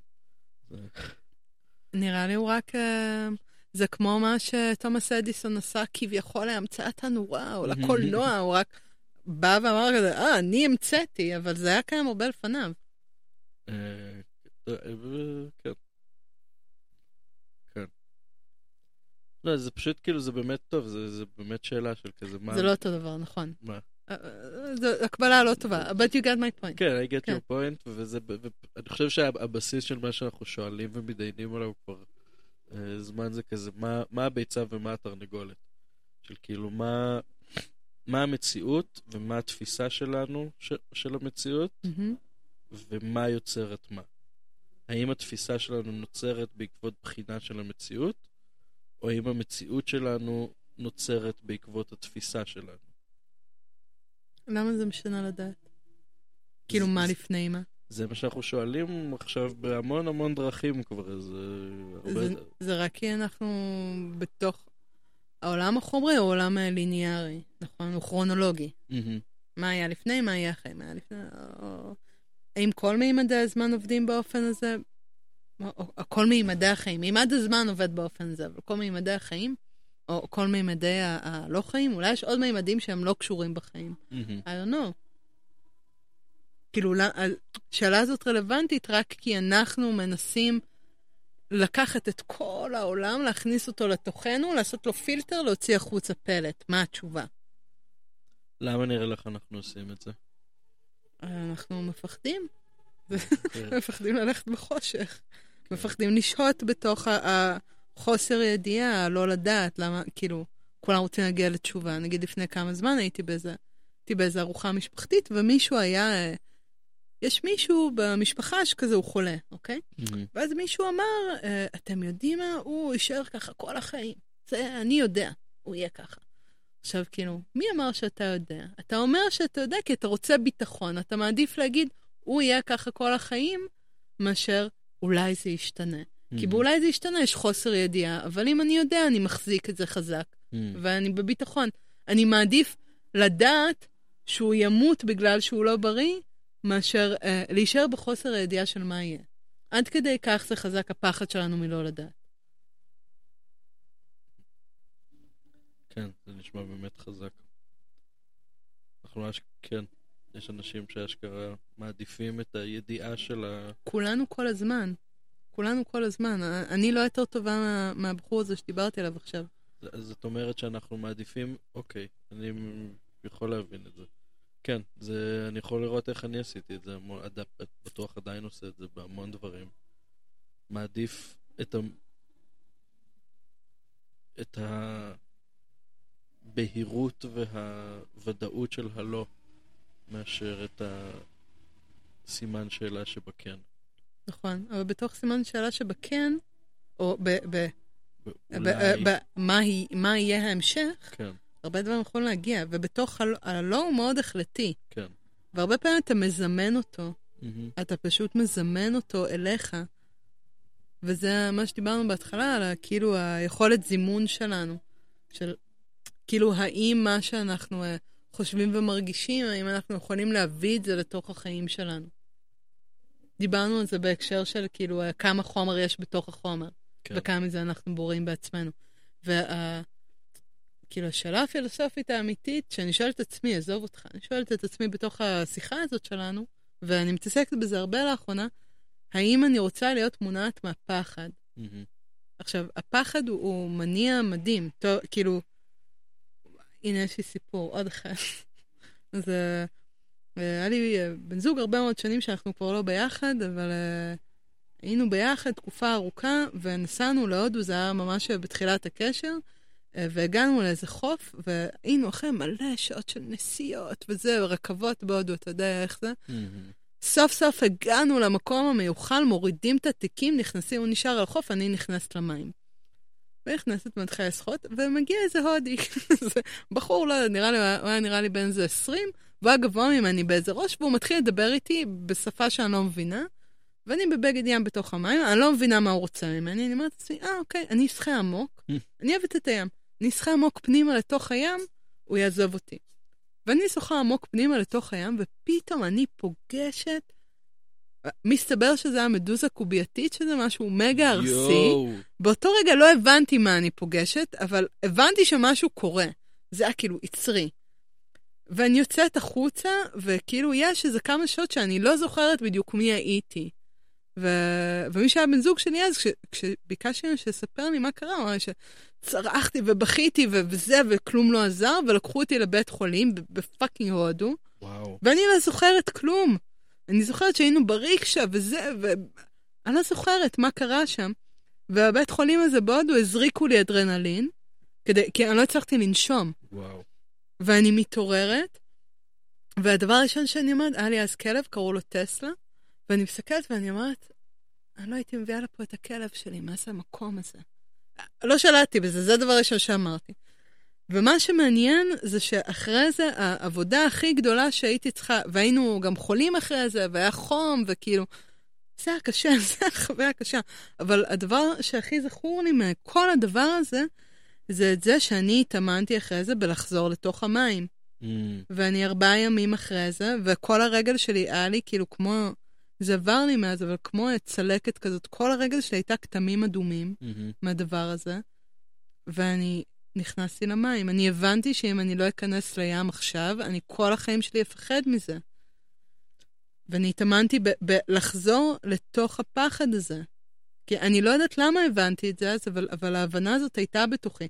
אז זה בדיוק המקום שבו פחד הוא מניע חזק לגלות, אה, לגלות עוצמה מאוד גדולה שנמצאת בך. הוא לא סתם קיים, הוא לא רק משהו שלילי.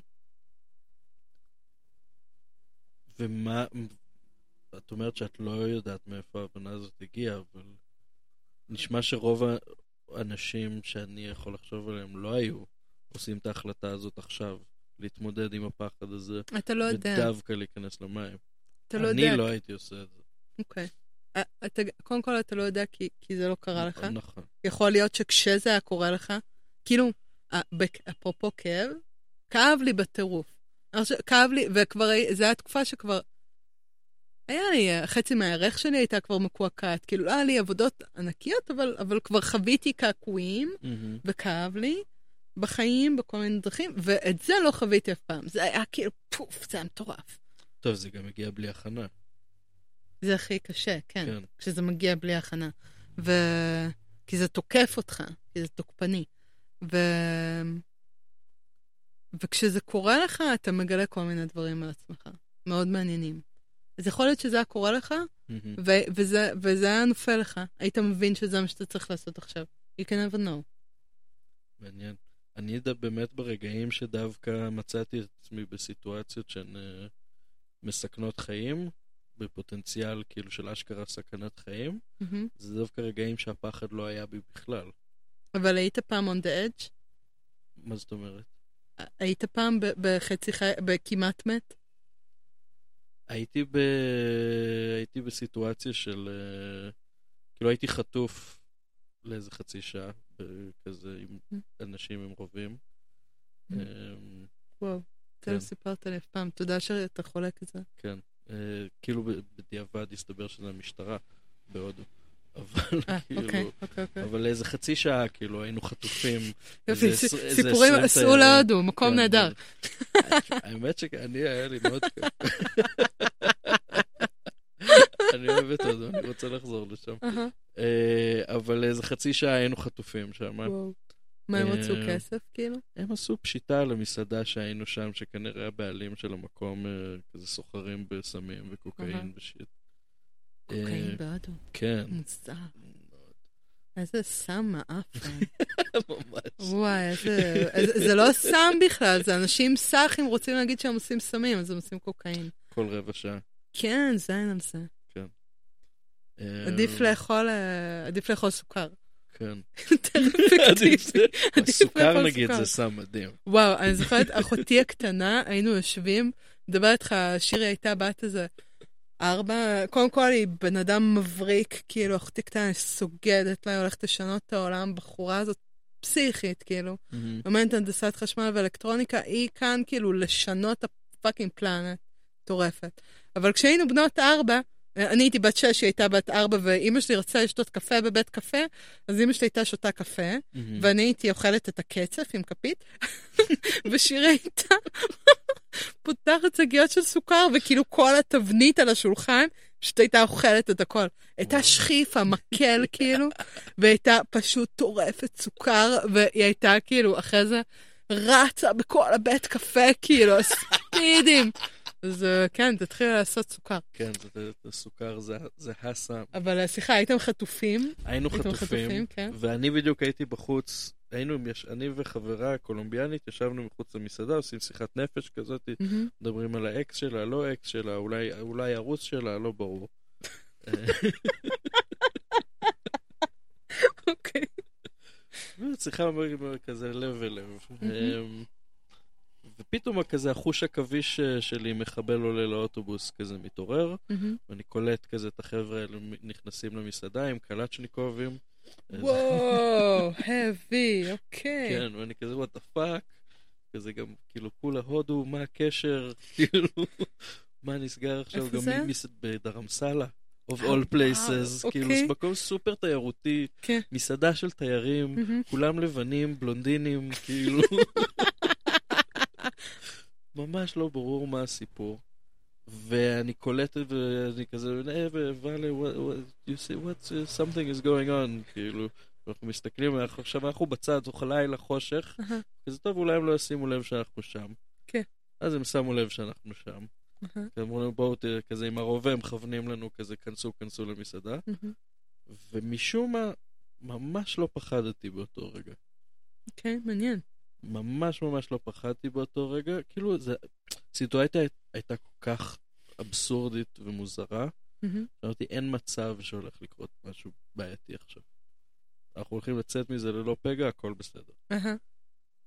ואמרתי לוואלה, כזה, אה, Don't worry, ואלה, everything will be alright. היא עושה לי כזה, Oh, come on, I'm from Colombia, these guys are nothing. אוקיי, אוקיי. אז הישראלי והקולומביאנית נשפכים מצחוק.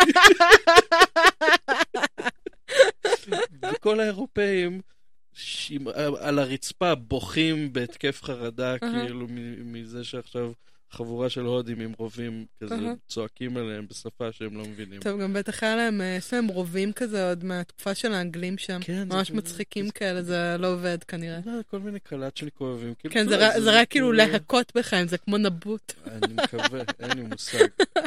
אבל זה היה כל כך מוזר, זה באמת, כאילו, כל, כולם בוכים בפאניקה מסביבנו, מהמם. ואני וואלה מנסים להחניק את הצחוק שלנו.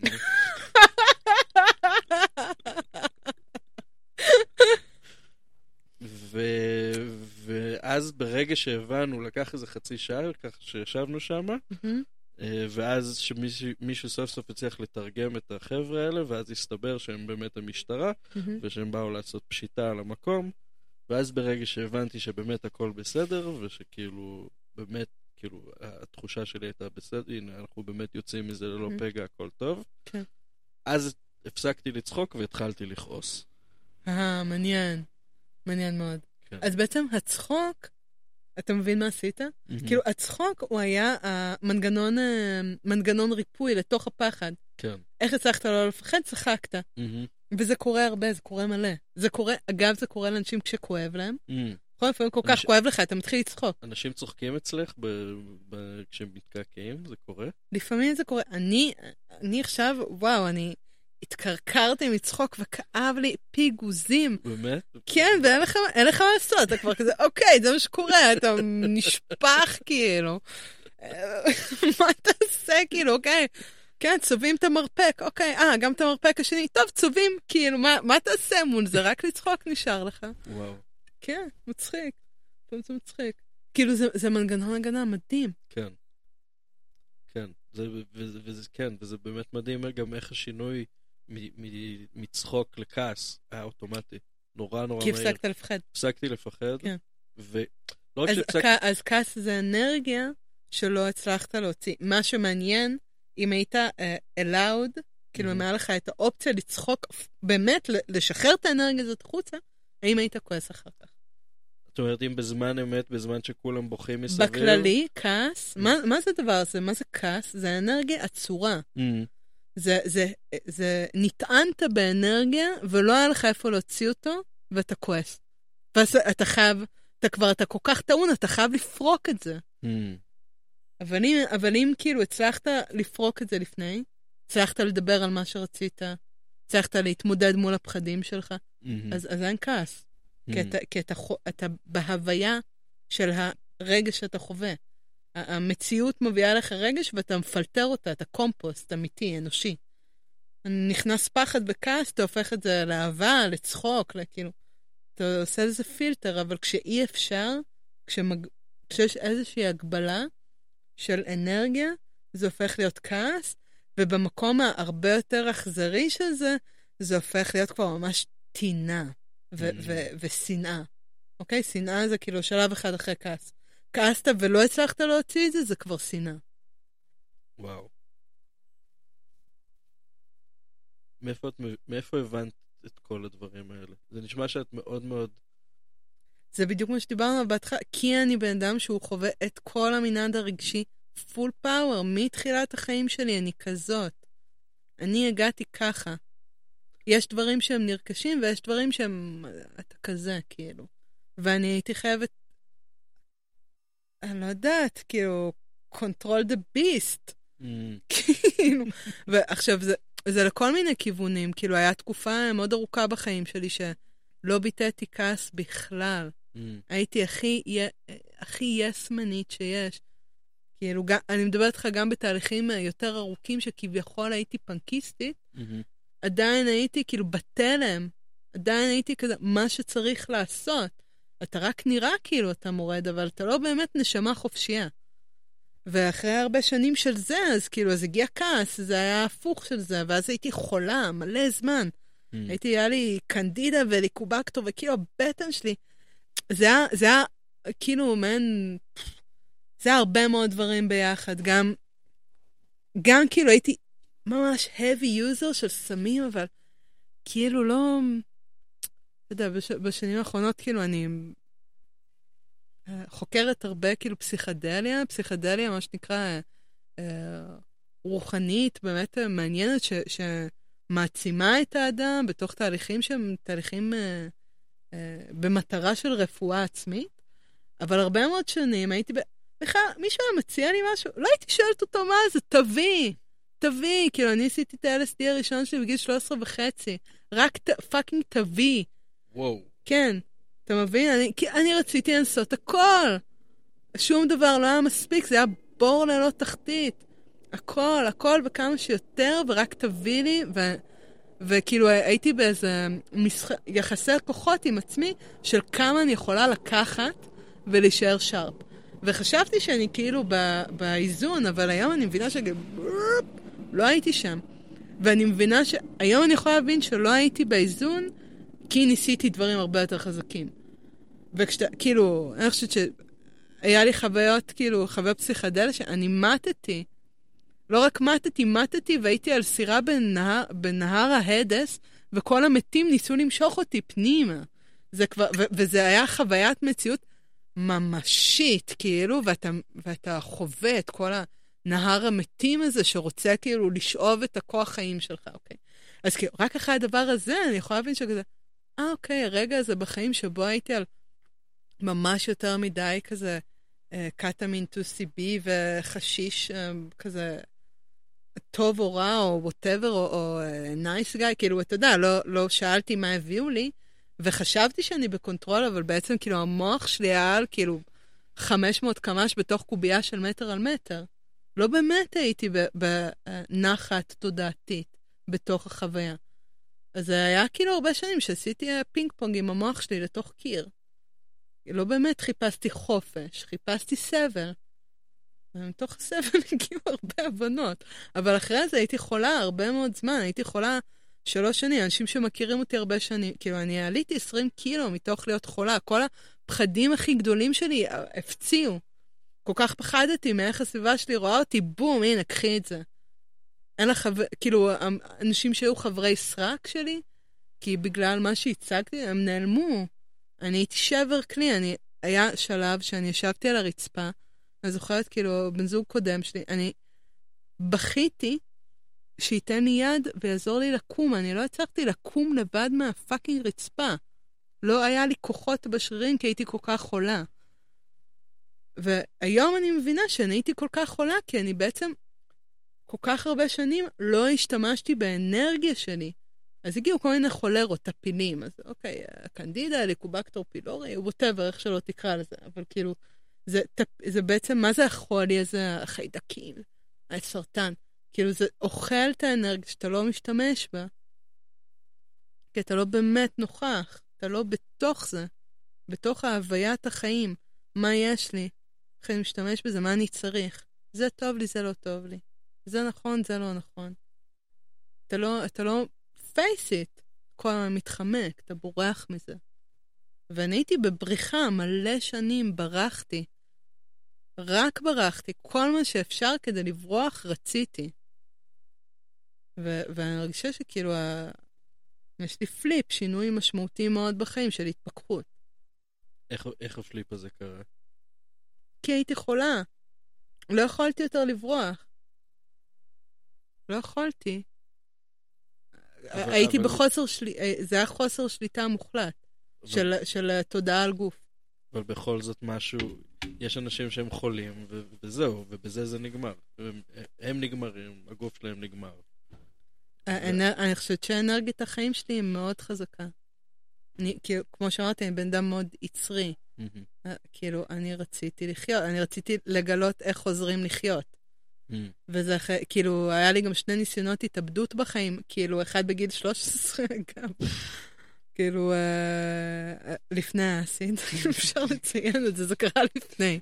אז אה, LSD זה אחלה, וטוב להתנסות בזה. Mm-hmm. בסביבה טובה ותומכת ובטוחה, כן? כן. אבל... Uh, כן, לא יודעת, משהו השתנה, כאילו, די, נראה לי... כאילו, הייתי צריכה ללכת ממש רחוק לקצה כדי להבין שמשהו לא... קיבלתי מתנה ואני לא משתמשת בה. וכל כך הרבה פעמים השיעור הזה ניסה להגיע אליי, וכל פעם דחיתי אותו. אז היום אני מבינה, אוקיי, זה היה חייב להיות הארדקור, זה היה חייב להיות דנה מרותקת לרצפה. אני זוכרת, היה לי כאבי בטן, אני לא הייתי יכולה לקום מהמיטה.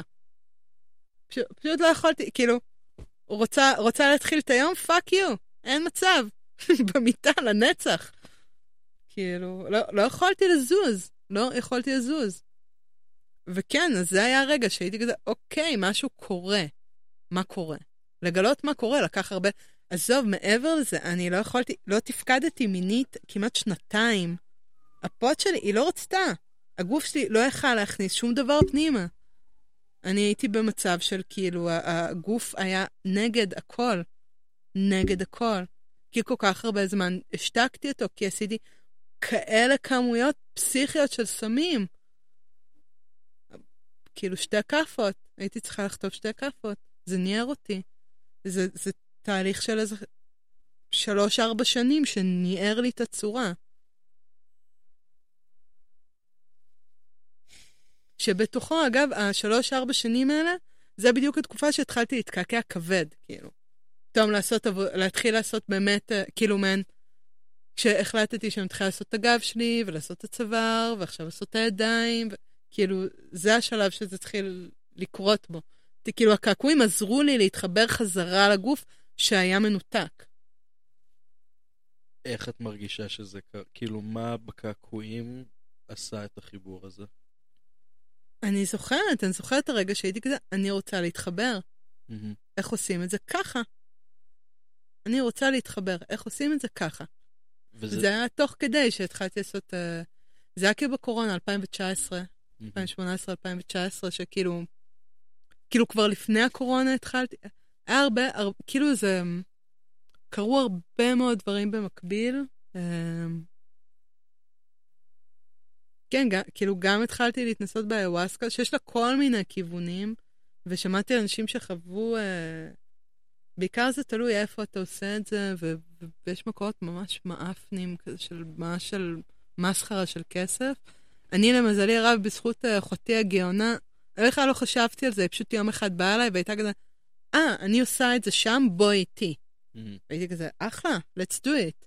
וככה נחשפתי לזה, בכלל לא, כאילו, חשבתי על זה שזה קיים. אמ, אז זה מאוד עזר לי, להתקעקע מאוד עזר לי, לא להצליח לזוז מאוד עזר לי, כל הדברים האלה כאילו העירו אותי. אני מאוד סקרן להבין מה בקעקועים, כאילו, מה בק... כי נשמע גם, ממה, גם מהשיחות שהיו לנו בעבר. זה לא, זה לא הכאב, זה ההתמקדות. זה ההתמקדות. הכאב הוא גורם להתמקדות. אוקיי, והת... אז במה, התמקדות במה? בגוף. התמק... אתה לא יכול לברוח, אתה mm-hmm. ממוקד בעצמי.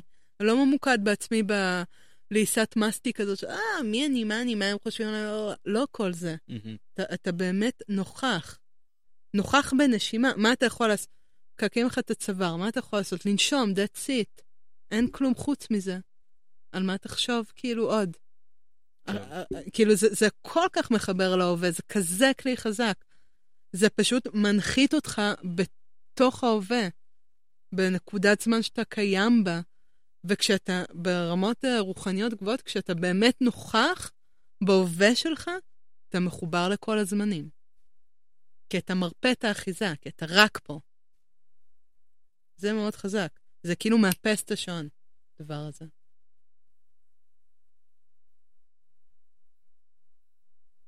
אני חושב שאני מבין, מה את מדברת, איך... אה, כן, כי באמת אין, אין, אין יותר לברוח. לא, גם כי אתה בוחר. יש, זה, mm-hmm. זה, למה, כל ה... מה זה קעקועים? זה, זה כאילו בתרבויות עתיקות, זה טקס חניכה. כן. אתה הגעת לגיל אה, שאתה נהיה צייד, אתה נהיה חלק מהשבט, אתה חלק מהמאפיה. זה הכל טקס חניכה שאתה צריך לצלוח כדי להוכיח לעצמך.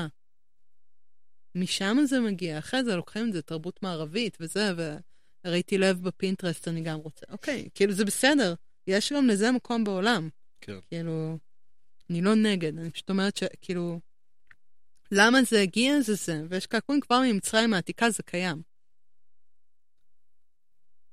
וזה משהו שאת כמקעקעת גם נשמע שאת מביאה אותו למי שמתקעקע אצלך. אני רק מציעה את זה. וזה לא יכול לעבוד עם כל אחד, וזה לא מתאים לכולם, ואני בחיים לא אכפה את זה. מהמם. כאילו, אתה יודע, אני לא מושלמת, הדבר הכי טוב שאני יכולה לעשות בתור מקעקעת זה לנסות להבין איפה הבן אדם שמולי נמצא, מה הוא רוצה ומה הוא צריך. מהמם. ולא לכפות עליו שום דבר שאני חושבת שהוא צריך, אלא להקשיב למה הוא רוצה, מה, טוב, מה נכון לו עכשיו. מהמם. ולפעמים אנשים רוצים לעבור חוויה ממש עמוקה, או, או החוויה העמוקה מגיעה אליהם, ו- ואז אתה כאילו, אתה, אתה yes man, מהמם. הדבר הזה מגיע, אתה כזה, אוקיי, כן, let's do it. ולפעמים זה כאילו, הם לא, הם לא בזה, וזה אחלה, זה גם טוב, הם רוצים עכשיו, לא, הם רוצים להתחבר למקומות יותר, אה, אה, יותר, יותר שטוחים, כאילו של כזה, איך הדבר הזה נראה, שהוא יהיה, שהוא ייראה אה, פיזי, כאילו ויזואלית מאוד יפה ומדויק, ואני מאוד נהנית לעשות גם את זה. זה ההפך, זה מקל עליי. מהמם. אתה מבין? כאילו, אם, כן, זה אם בש- מישהו... זה הרבה מאוד לקחת על עצמך, כשמישהו עובר סשן, חתיכת סשן, כן, כאילו, זה נשמע... ואנשים בוכים, ו- ולפעמים אנשים משתינים על עצמם, וזיעה, וריח, וכאילו, ו- ובושה, וצריך לחבק אותם, צריכים לשבת, מתעלפים. קורה כל מיני דברים בתוך הסשנים האלה, וזה הרבה מאוד כוחות נפש, וכשמישהו סתם רוצה קעקוע, אחלה. מהמם. כאילו, מבחינתי, להתעסק בזה שזה ייראה טוב בסוף, זה נהדר. זה, זה רק, האופ... הדלת הזאת קיימת, והיא תמיד פתוחה. מהמם. אבל אתה לא חייב לפסוע בה אם זה לא הרגע שלך. זה משהו שהיית מוכנה אליו כשהתחלת לקעקע? הבנת שזה מגיע למקומות האלה? לא, מי ידע? אף אחד לא מדבר על זה. Mm. כולם רק בתוך הלופ האגו של עצמם, של כמה לייקים הם קיבלו, מי המקעקע הכי טוב. אף אחד לא, כאילו, לא מדבר על התהליך. פיליפ לו, נגיד, אתה רואה איתו רעיונות, פיליפ לו זה מקעקע אה, שאני מאוד מעריכה, הוא עושה דברים מאוד שונים ממה שאני עושה. מקעקע יפני, מ... אה, כאילו, הוא מקעקע שוויצרי, מלוזן, אבל הוא עובד בעיקר, הוא עושה קעקועים יפנים, והוא תקופה מאוד ארוכה טייל במרוקו, והוא אה, צייר ספר על קעקועים ברברים. וכשאתה רואה רעיונות איתו, הוא מדבר על זה, הוא מדבר על כאילו אה, חיבור רוח חומר בתוך התהליך הקעקוע, אבל כל המודרניזציה של קעקועים, כולם כל כך עסוקים בתוך התחת של עצמם, אתה רואה כאילו רעיונות עם קעקעים מדברים רק על עצמם, איפה הלקוח? הוא לא קיים. Mm. אבל הבן אדם שאתה מקעקע הוא הכל, בלעדיו אין כלום. בלעדיו הדבר הזה זה רק רעיון, זה למה קעקועים זה כזה עוצמתי, זה שני מוחות יוצרים משהו ביחד, זה, אתה מוליד ילד עם עוד בן אדם. זה עד כדי כך עמוק. עכשיו, לך תגיד את זה לכל בן אדם שנכנס לחנות, זה נורא מפחיד, נכון? מהמם. ואנשים הם, הם רוצים, הם משלמים לך כסף, אתה עובד בשבילם, תביא לי את זה. וזה בסדר, אני למדתי כל כך הרבה מתוך זה. מהמם. מתוך כאילו, להפסיק להיות אגו-מניאקית, רק אני, אני, אני. אה, אוקיי, יש פה מישהו אחר, מה הוא צריך, מה הוא רוצה. להצליח להביא לבן אדם הזה שמולי את מה שהוא צריך, לא את מה שאני רוצה. אני רוצה להעביר אותך חוויה משמעותית, טה-טה-טה. החוויה הזאת לא משמעותית בשבילך, היא לא משמעותית בשביל אף אחד. החוויה הזאת היא מה שהיא המשמעות שלך לתוך החוויה. אז הדבר היחיד שאני יכולה לעשות זה לראות מה אתה מביא בתור הבן אדם שתכלס אני די פסיבית. אנשים באים אליי. מהמם. וכאילו, אנשים באים אליי, ואז אני נדלקת ואני נהיית אקטיבית. אבל כאילו, אם אני לא רואה אותם, אז, אז, אז זה לא קורה, אין את המג'יק הזה. ויש הרבה דרכים שבהם משהו יכול לקרות. אפילו יותר מזה, נכון? יש מלא סיפורים על כתות וזה, על כל מיני גורואים שמנסים לשים עליך את החוויה, את הזה, אבל אתה לא מרגיש את זה, אתה לא נוכח בתוך זה. מהמם. אז זה לא משנה כמה הם ינסו, הם, זה הופך את זה לחוויה אלימה. אדם יכול להתחבר למשהו רק כשהוא מרגיש שזה הרגע שלו להתחבר למה, למשהו הזה. אני, יש עליי די הרבה קעקועים, אני חושבת שכל החמש-שש שנים הראשונות שהתקעקעתי, התחלתי להתקעקע בגיל 16, סתם התקעקעתי. היה חברים, רציתי להתקעקע, אה, יש לך מכונה, רציתי ללמוד איך להתקעקע, תביא. אה, יש לך ציור, אוקיי, זה, סבבה, on the spot, כאילו. בכלל לא עניין אותי, מה זה, וזה, וחוויה גופנית. כאילו, אני רק כזה, הייתי בתוך, הייתי נטו רק בתוך ההווה הרגיש של לקבל משהו על הגוף שלי, ונהניתי מזה, ואני שמחה בזה, כאילו, אני לא אה, אה, בסבל, או אני לא אה, מתחרטת, אתה מבין? מהמם. זה כאילו, זה, זה חלק מהדרך. כן, נשמע, זה גם, נשמע שזה באמת גם התקופה של כזה, מה, מה, שאתה, מה שלא תביא, תביא. זאת אומרת, כל, כל סם שהגיע אלייך, כל דבר. אולי כולם עוברים את זה באיזשהו שלב. כאילו, או את הרק תביא, או את ה... אל תביא כלום. כן. נכון? אבל כאילו, אה, בעצם זה, אדם מחפש את עצמו, אז יש איזה... כנראה שני, כאילו, מציאות יש בה הרבה אפורים, אבל בסוף אתה בוחר, או שאתה כאילו יס מן, מהמם, אני יס מן לגמרי. כן. אני כל- לא- כל בחור שרצה לשכב איתי, כן, יאללה, let's do it, נכון? ואחרי זה שנאתי את עצמי ובכיתי. אבל כאילו, מעין, כאילו זה, זה היה הדבר הזה ש, שחיפשתי, חיפשתי כזה, ויש אנשים שהם לא. זה מצחיק, כי אני, אני no ואז אתה man. מוצא, ואז אתה מוצא מה אתה כן. כן. אבל כולם עוברים את זה באיזשהו שלב מתישהו.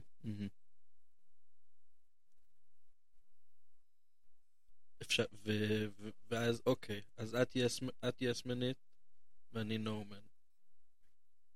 ושנינו בסופו של דבר מחפשים אה, איז, איזשהו איזון אה, שמושך יותר אולי לכיוון השני. או לא של בהכרח איפה לכיוון... שאתה מרגיש חוסר. כן. כן, כן, בטח. אני חושבת שהשיעור הכי טוב שאתה לומד כרגע זה להגיד כן, מהמם. נכון? מה שקרה לך עם הסרטון שעשית לאדה ואליקה. אתה הרגשת משהו, ואז אמרת כזה, כן, אני מרגיש, אני נוכח, מהמם. תביאו מזה. הנה, קחו, אני, אני נוכח, אני כותב עכשיו את המה שאני נוכח בו. כן. ואני בדיוק, אני כאילו בחוויה הפוכה, אני בכזה, אני מרגישה, אני זה, רגע, דנה, לא. אל תכתבי עכשיו לבן אדם הזה את כל מה שאת מרגישה, כאילו, שנייה, רגע. הוא, hold on, hold on your horses. אז אוקיי, בסדר, כאילו, טוב, טוב, אה, טוב לשאוף לאיזון, מתוך אה, עשייה נגדית. כן, זה די טוב. וזה נשמע שאת גם אה, שנינו מתקדמים בכיוון הזה. אה, כן, כאילו, אתה יודע, בכיוון הזה של השאיפה לאיזון, יש בו הרבה... מה זה שאיפה לאיזון? כאילו, ה- האיזון גם יש בו תנודות אה, רגועות, נכון? אומרים שאנשים נרגעים עם השנים. מהמם. אה, גם, גם שום תהליך הוא לא לינארי. זה, זה, זה, זה שיש תקופות של, של יותר מאוזנות, זה לא אומר שאין פתאום כזה חזרה לדפוסים ישנים וחזרה ל... רק, רק הפנקסנות היא לינארית, כן, אבל אנחנו לא כאלה. בדיוק. מזל. חמסה. אנחנו all over, כאילו, אנחנו עוברים תקופות, אנחנו עוברים עניינים, אנחנו אה, בקיצון אחד, פתאום אנחנו יכולים להיות בקיצון אחר. מהמם. אמ, ו- אין, אין, אין תהליך שהוא פשוט כאילו, זהו, מגמה לינארית וזהו. הולכים אחורה, קדימה, שוכחים שיעורים, לומדים אותם מחדש. אה, אני, כל כמה זמן, אני פתאום נזכרתי במשהו שלמדתי לפני חמש שנים. זה היה fuck, נכון. כאילו, כבר למדתי את השיעור הזה. אבל מה הוא בעצם? מה השיעור הזה? אין, אין לי עכשיו דוגמה ספציפית, אבל כאילו, אני באמת זוכר שהיו לי רגעים של כזה מין, אה shit, לא כבר למדתי את השיעור הזה על עצמי? אה, כזה, אוקיי. לא כבר כאילו, כבר כאילו, שכחתי מזה. כאילו למדתי משהו, הייתי בתשומת לב אליו. הייתי ב... אה, ב... נגיד עכשיו, אה, בימים האחרונים חזרתי לעשות משהו שמאוד עזר לי בשנה האחרונה והפסקתי לעשות בשבועות האחרונים, שזה כל... שזה פעם ביום לגעת בבעונות שלי. אה, מדהים. שזה שיעור, זה באמת, זה אחד הטיפים שכל מי שמקשיב עכשיו, תיגעו בבעונות שלכם אני פעם אעשה את ביום. זה גם. באמת, זה הטיפ הכי טוב שאני יכול לתת לכולם. וזה... וזה מדהים איך ברגע שנהיה לי...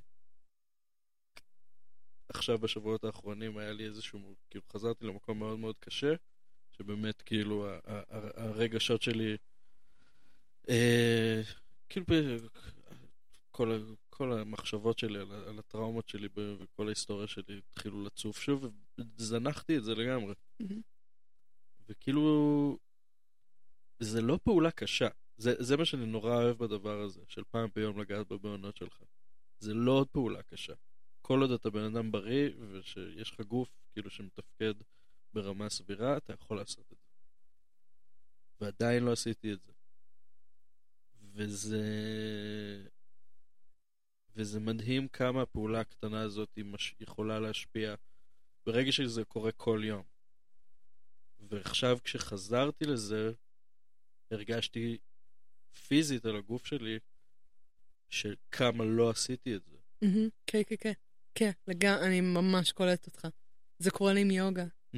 כאילו, ה- בתקופה של הקורונה הייתי עושה, הרגע הזה בחיים שהייתי כזה, fuck, אני חייבת להתעשת על עצמי, הייתי עושה יוגה שלוש פעמים בשבוע, וזה היה מדהים. וכאילו, מעין, אה, ברגע שהגוף שלי כזה חזר לעצמו, מעין, אני כזה מחוברת שוב, אז כזה, אה, לא צריך את זה יותר. וכאילו, ופתאום אני כזה, אה, וואו, הנה, הנה הרגליים שלי, אוקיי, איך מגיעים לזה בבוקר, נגיד, אתה קם בבוקר, אתה כזה, "אה." כן. אבל אה, כן, זה גם הקצוות של הגוף, נכון? כן. זה גם הקצוות של... אבל זה, זה פשוט... אני חושב שמה שהכי חשוב בזה, זה ההתמדה. כאילו כל יום לפגוש את הקצוות שלך באיזשהו כל יום אופן. לקחת את הרגע לעשות את זה. זה איזשהו רגע, זה כמו שהחלק הכי קשה מבחינתי במדיטציה, מהמם. זה ההחלטה לשבת לעשות מדיטציה. נכון, כן. כן, כן, כן. ברגע שאני יושב לעשות את זה, אז אה, אני במדיטציה, מה שקורה קורה. אלון, זה אם אני צריכה להשתין, מה עושים? את הולכת להשתין אוקיי. ואני נשאר פה ביי בינתיים. לפטפט. תפצפט עם המאזינים. המאזינה האחת. כן, שלום לך מאזינה. היי, שלום. אני הולכת רגע וחוזרת. דנה תלך, אני אשאר פה ואלחש לכם באוזן. אה, יס. וואו, איזה שיחה. אה, אנחנו פה אה, בגבוהות והנמוכות. דנה, כמו ששמעתם עד עכשיו, היא בן אדם מרתק, רגיש, וגם אמנית בחסד, כאילו אתם, אה, מי, מי שמאזין עכשיו ולא ראה את העבודות של אה, דנה, אז זה ממש ממש מומלץ. אה, נטו ברמה האסתטית, כאילו כל, כל השיח הרוחני, אה, שמעתם שלא לא, לא חסר פה עומק ו, ויופי. אה, אז גם ברמה האסתטית יש המון המון אה, ממה ליהנות ומה להעריך. אה, וזו שיחה מאוד מעניינת על, אה, על באמת אה, החיבור הזה בין הגוף שלנו והנפש שלנו והרגשות. כאב ופחד. אני חושב שבאמת ההבנה הזאת ש- שהבנתי תוך כדי השיחה של שפחד הוא כאב בזמן אמת. הנה, דנה חזרת. תושיעי אותי, אני מברבר לעצמי. וואי, זה הפיפי הכי טוב בעולם. לא מצאתי איתו אור, אבל... אה, כן, הוא, מס... הוא, לא, הוא לא ממוקם הגיוני. כן, כאילו הדלקתי וזה עשה אור במיטה. במיטה, כזה, כן, "מ, אוקיי, כן. לא. לא, כן, המתג לא הגיוני. היית זריזה, כל הכבוד. טוב. טוב, עכשיו, איך... אולי זה סוף. כן? אני לא יודעת. אפשר אפשר להחליט שזה הסוף. אפשר לעשות, אה, אפשר ללכת אה, לשתות משהו בפאב של איליה, לעשות ג'ינגל. הופה. פאב שמורה, המקום בשבילך בית"ר ירושלים. אז כשאת היית בשירותים אני החמאתי מאוד, אה, כי שלא דיברנו בכלל על כל הפן האסתטי של העבודות שלך. אה, יש הרבה מה להגיד, רוצה. את כן, את רוצה להמשיך? אני בכיף. כן, אבל אתה תצטרך אה, לראיין, תצטרך לשאול שאלות, כי אה, זה המקום שהם פחות טוקטיב. אני פשוט אמרתי למאזינים פה שהם אה, כאילו, כולם כבר חוו את העומקים הרגשיים והרוחניים שאת אה, מביאה. אבל אה, במדיום הזה קשה להעביר את הפן האסתטי, כי זה מדיום אה, של אה, דיבורים, זה אודיו. אה, אז רציתי לשלוח את כולם לראות את הדברים שלך, כי כדאי, כי פשוט הם נורא נורא יפים. כי ברמה הטכנית את ממש טובה. וכאילו ברמה האסתטית, ואני רואה שאת עכשיו מובכת קצת מזה. לא, תודה, תודה. כן, אמ, מבוכה. וגם יש לך סגנון, כאילו, מצד אחד, יש את הדברים שברור שכזה מישהו בא עם רעיון והוא רצה שכזה, ואת עושה כזה מין משהו שהוא ברמה טכנית נורא גבוה, גבוהה והוא נורא אסתטי, אבל זה לא הסגנון שלך. אה, והוא עדיין יוצא נורא יפה, כי את פשוט נורא טובה בזה.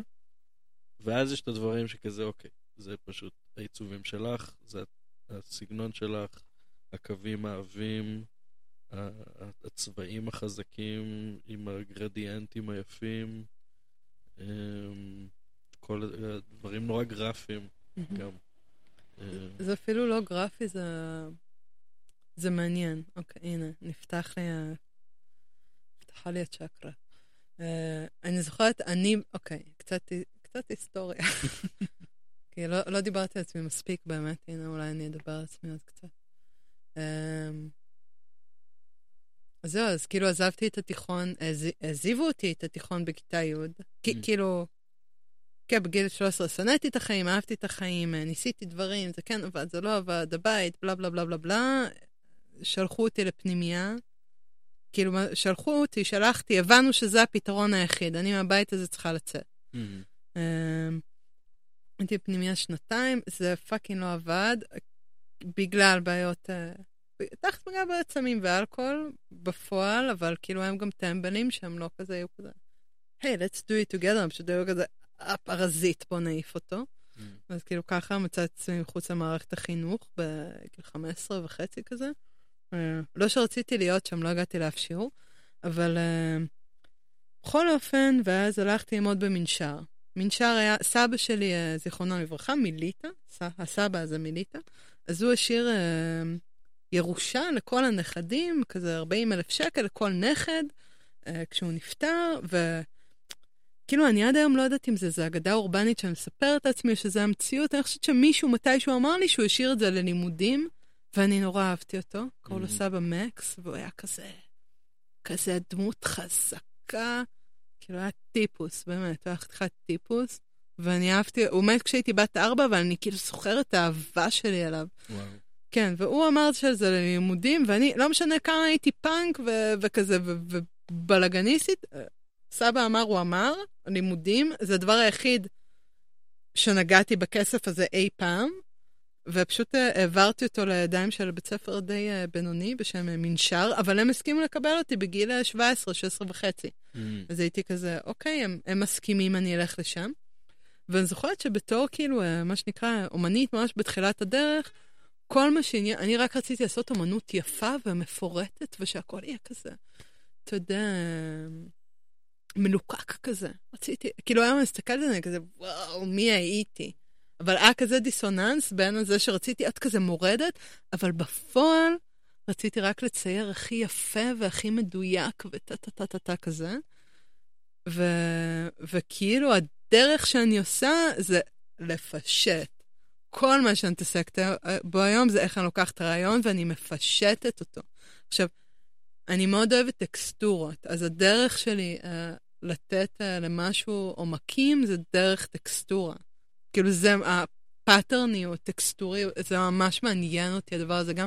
אפילו טקסטורה ברמה של אם יש הצללה, פחות מעניין אותי איפה האור וצל בתוך זה, כמו הטקסטורה של החומר נוגע בחומר ומייצר את הדבר הזה שהוא כאילו עושה את האפקט צל הזה. אבל כאילו זה, זה החומר, מה שמעניין אותי זה חומר. וזהו, אז כל הסגנון הזה של ה... אני לא יודעת, כאילו, לקחת סגנון, כאילו, לקחת השראה ממגזרות נייר, מדפוס, כאילו, מ...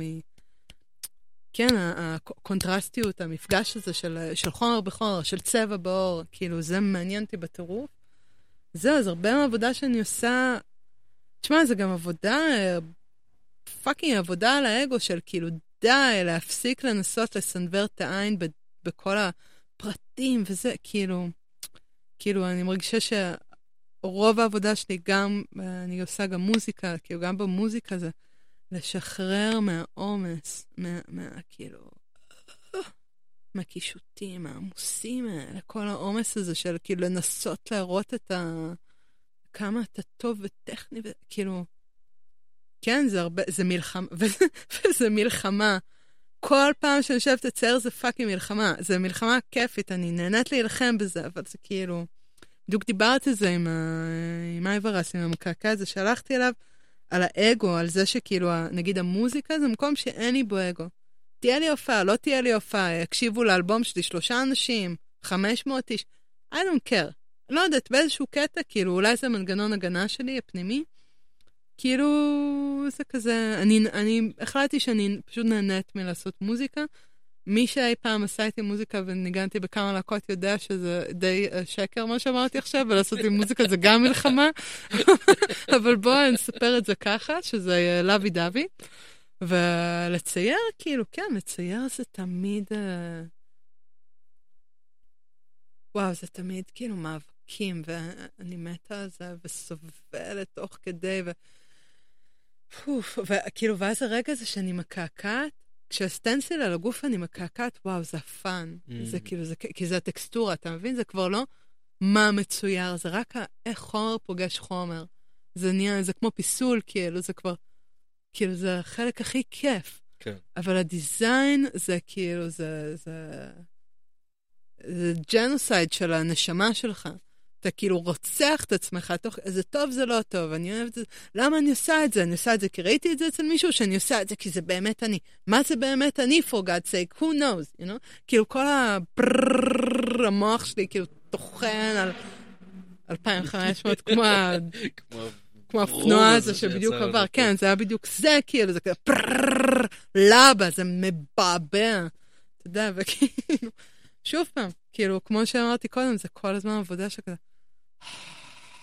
לצנן. כל, הכל כל הזמן מתחיל לצנן, אוקיי, מים, אוויר, ננשם. ובגלל זה, תוך כדי שאני עובדת, יש לי כאילו מוסר עבודה מאוד גבוה, אני יכולה לעבוד, כאילו, לעבוד, אני מתכוונת ממש לקעקע על העור הרבה מאוד שעות, כי זה כבר, זה מדיטטיבי לחלוטין. שם ה flow state. כשאני מקעקע, כשכבר יש את הסקיצה, הסטנסיל על העור ואני מקעקע את הבן אדם, מדיטיישן זה OCD, mm-hmm. רק על הקווים, ואיך מערכת נכנסת, מערכת יוצאת. פה פררר, פה פררר. כאילו, זה ה-BPM של המכונה, ואיך זה קצב של היד, ואיך זה טקסטורה שאני רוצה לקבל, that's it.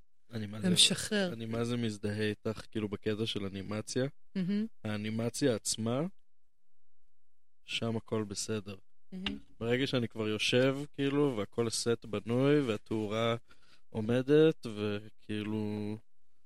ואני עם הדמות, כאילו, ועכשיו אני פשוט צריך להזיז אותה, ולהזיז צלם, להזיז צלם, להזיז צלם. שעות אני יכול להיות בתוך החרא הזה. אבל לתכנן את זה, לכתוב סיפור, לעלות על רעיון, לתכנן קומפוזיציה, לכאילו... אני... כן, זה מאבק. זה... אני ממש מזדהה עם כאילו כל השאלות האלה שהעלית. אני, אני עושה את זה כי כאילו, כי זה מה שאני רוצה, אני עושה את זה כי זה מה שראיתי, אני עושה את זה כאילו... מה מעניין אותי בכלל בדבר הזה, מה אני מחפש פה, למה... אבל לפעמים אתה סתם נאבק בעצמך, זה כמו שאני הרבה זמן, אפילו לא כזה הרבה, נפתחה החנות uh, בשלום ציון, ה-good life, פתחנו אותה, וזו הפעם הראשונה בחיים שעשיתי באמת ווקינגים. Mm. מישהו בא מהרחוב, היי, אני רוצה כזה, הוא לא מכיר אותך, אין לו מושג מה אתה עושה, הוא רוצה עכשיו ככה, mm. ואתה צריך לעשות לו ככה עכשיו. וזה לימד אותי כל כך הרבה. כי בהתחלה המוח שלי טחן, וזה אפילו לא... זה בדיוק לימד אותי שזה לא, זה לא באמת משנה מה התוכן, כמו זה שכאילו בשלב ה... בשלב שבו הדעת שלך עובדת על מה מהות הפרויקט, whatever it is, אתה עושה סרט קולנוע, אתה עושה אנימציה, אתה מקעקע, אתה כותב אלבום, זה השלב שבו אה, אתה הכי מועד לפורענות, להסחות דעת mm-hmm. מהדבר האמיתי. שהוא העשייה עצמה. Mm. ואת זה גיליתי תוך כדי ש... היה איזה מישהו, אין לי מושג איך קוראים לו, אני כנראה לא אראה אותו בחיים שלי, הוא נכנס לחנות, הוא רצה אה, קעקוע של השמות של הילדים שלו עם לב מעל זה. אוקיי? Okay? ואני הייתי כזה, ואני בראש שלי כזה, אה, אוקיי, let's do it. כאילו, אתה יודע, הייתי כזה, אוקיי, אני יכולה, אני אעשה את זה כמו שצריך, כאילו, אחלה, אתה רוצה את שמות של הילדים שלך. בפונטים, אתה יודע, כזה הכי, הכי מכוערים, וזה כתב, אה, כאילו, פונט כתב ב Word כזה. כן. ו... ותוך כדי שאני כאילו כולי מלאה באגו של עצמי, של כזה, או, אני כבר עושה דברים כך וכך, מי... ועכשיו מישהו מבקש את הטקסט הזה, כן? כאילו כולי ב ego trip, המפגר הזה. שיפוטיות. לא, ego trip. אני Mhm. כבר, אני כבר כאן גבוה, מישהו רוצה משהו נמוך, אוקיי, אני אעשה את זה בשבילו. נוחתת עליי ההבנה. fucking זה מכה בי, לא בפטיש בראש, כאילו. היי, שלום, אדוני. ולמה אתה רוצה את זה? מהמם. אוקיי? למה זה הזמן ש... ואז הוא מתחיל לספר לי, ואז הוא מתחיל לספר לי שהוא היה בגמילה עכשיו, וזה היום ה-, הוא נראה לי היה יומיים לא בגמילה יותר, וזה הכי הרבה זמן שהוא לא השתמש, נראה לי הוא היה משתמש כזה הרואין פנטניל, משהו כבד. מהמם. אה, זה הכי הרבה זמן שהוא לא משתמש בחמש-שש שנים האחרונות, והוא מחר הולך לראות את הילדים שלו. אחרי שש שנים שהוא לא ראה אותם. וואו. בגלל שהוא יצא מגמילה, הבחורה שהוא עשה את הילדים הרשתה לו לבוא לראות אותם. וזה למה הוא עושה את הקעקוע הזאת, אה, את הקעקוע הזה. ואני כאילו סוף סוף מבינה, כאילו, דנה, די, צאי מהתחת של עצמך. אז כל הדבר הזה שאנחנו כזה טוחנים, מי אני, מה אני, מה זה אומר עליי, מה המשמעות, פה, פה, פה, פה, פה. doesn't matter, זה לא משנה. זה סתם, זה סתם מקור לסבל. תהיה מחובר לנוכחות של הרגע. מישהו הגיע אליך, למה הוא כאן? למה הוא כאן? לא, מה זה אומר עליך? כאילו, משהו הגיע אליך, למה זה כאן? הגיע, את החלטת לעשות איזה, איזה סרט, למה זה קורה עכשיו? לא, מה זה אומר עליך בתור אומן? למה זה עכשיו? זה שוב פעם מחזיר אותנו לנוכחות בהווה, להתחבר להווה, להיות משוחרר תודעתית, ליצור את המציאות. להפסיק להכיל את עצמנו בלוקשים כדי להרגיש שאנחנו מחזיקים, שאנחנו שולטים, מחזיקים בסוס הזה שקוראים לו החיים. די. אני עייפה מזה, בכנות. אני בת 30, ואני עייפה מלנסות להחזיק את הריתמות של החיים ולהוביל אותם. כן, יש אה, משמעות מאוד עמוקה ורחוקת טווח לבחירות שאני עושה, אבל ה control הזה הוא גם ככה, הוא לא, הוא לא באמת משנה. לא רלוונטי. הוא אשליה. אבל לי נשמע שאת גם מוצאת יותר אה, שמחה, אפשר להגיד. בחיים האלה ככה, ב- ב- ב- בצורת חיים הזאת, ובשחרור הזה. זה משחרר מסבל, אין ספק. בטח. לראות, זה מה שדיברנו מקודם על דיכאון, מהמם. לראות אנשים אחרים, ל- לראות אותם, זה משחרר מסבל, מהמם. חד משמעית. כשאני, אה, לא, אפילו, אתה יודע, אני כאילו כל הזמן מחזירה לדברים הארציים האלה, תכלס אני רק בן אדם, כאילו. אני רק בן אדם, כשמישהו, אה, לא יודעת, כשמישהו לא נחמד אליי, אוקיי, או לא יודעת מאיזה סיבה, סיב- מסיבותיו שלו, ואני רק כזה אה, מחזיקה בכזה, ומה זה אומר עליי, אה, כל הדבר הזה של... אני אפילו לא יודעת איך לשים את זה במילים, כאילו זה מעין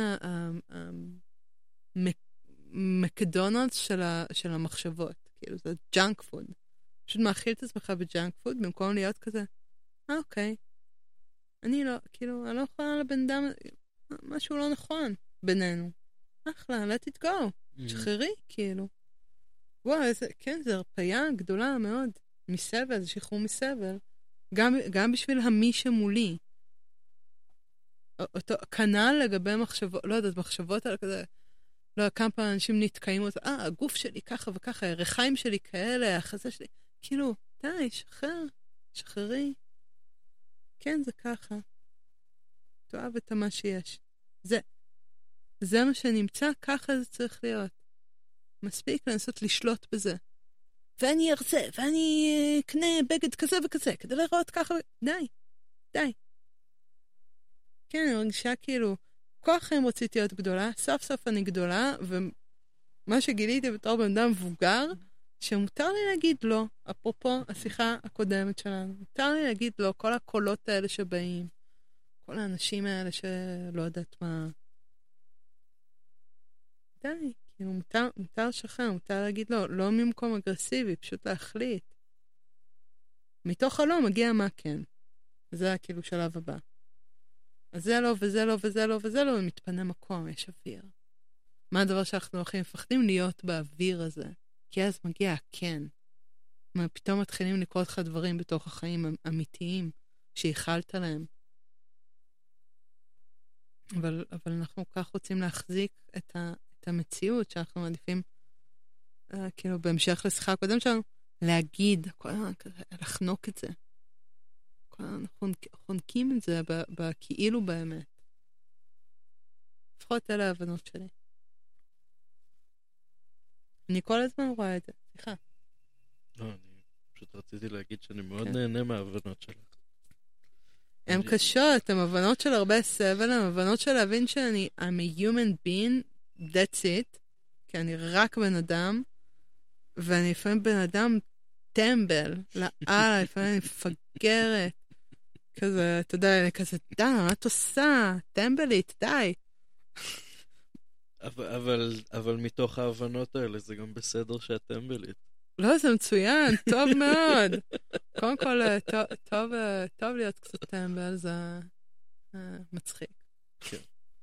וגם, כן, אבל אם, אם אני אדבר ברצינות רגע, כאילו, זה בסדר לטעות. כאילו, וחמלה עצמית, וואו, איזה כלי חזק זה. לסלוח לעצמך על טעויות. כאילו, זה עוזר לסלוח לאחרים, ונראה לי לסלוח לאחרים זה הכי קשה. אנחנו אומרים שהכי קשה זה לסלוח לעצמנו, אבל לסלוח לאחרים. חמלה כלפי הזולת. כן. וואו, להרפות. אתה כועס על מישהו כי uh, פגע בך, להרפות. לתת לו להיות. הוא.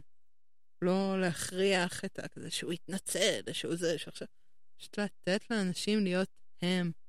כמה זה קשה, אנחנו כבר רוצים לשלוט בסביבה שלנו, שהם יהיו כמונו, שהם יראו אותנו, ש... כן, כאילו, אבל, אבל אתה מונע ממי שמוכן לעבור את השינויים שהוא צריך לעבור כרגע. אולי יש לו מה למ... ללמד אותך, חשבת על זה? לא אתה, כאילו אני. אולי, אולי הבן אדם הזה יש לו מה ללמד אותי, ואני פשוט עסוקה בכזה, להחזיק את זה.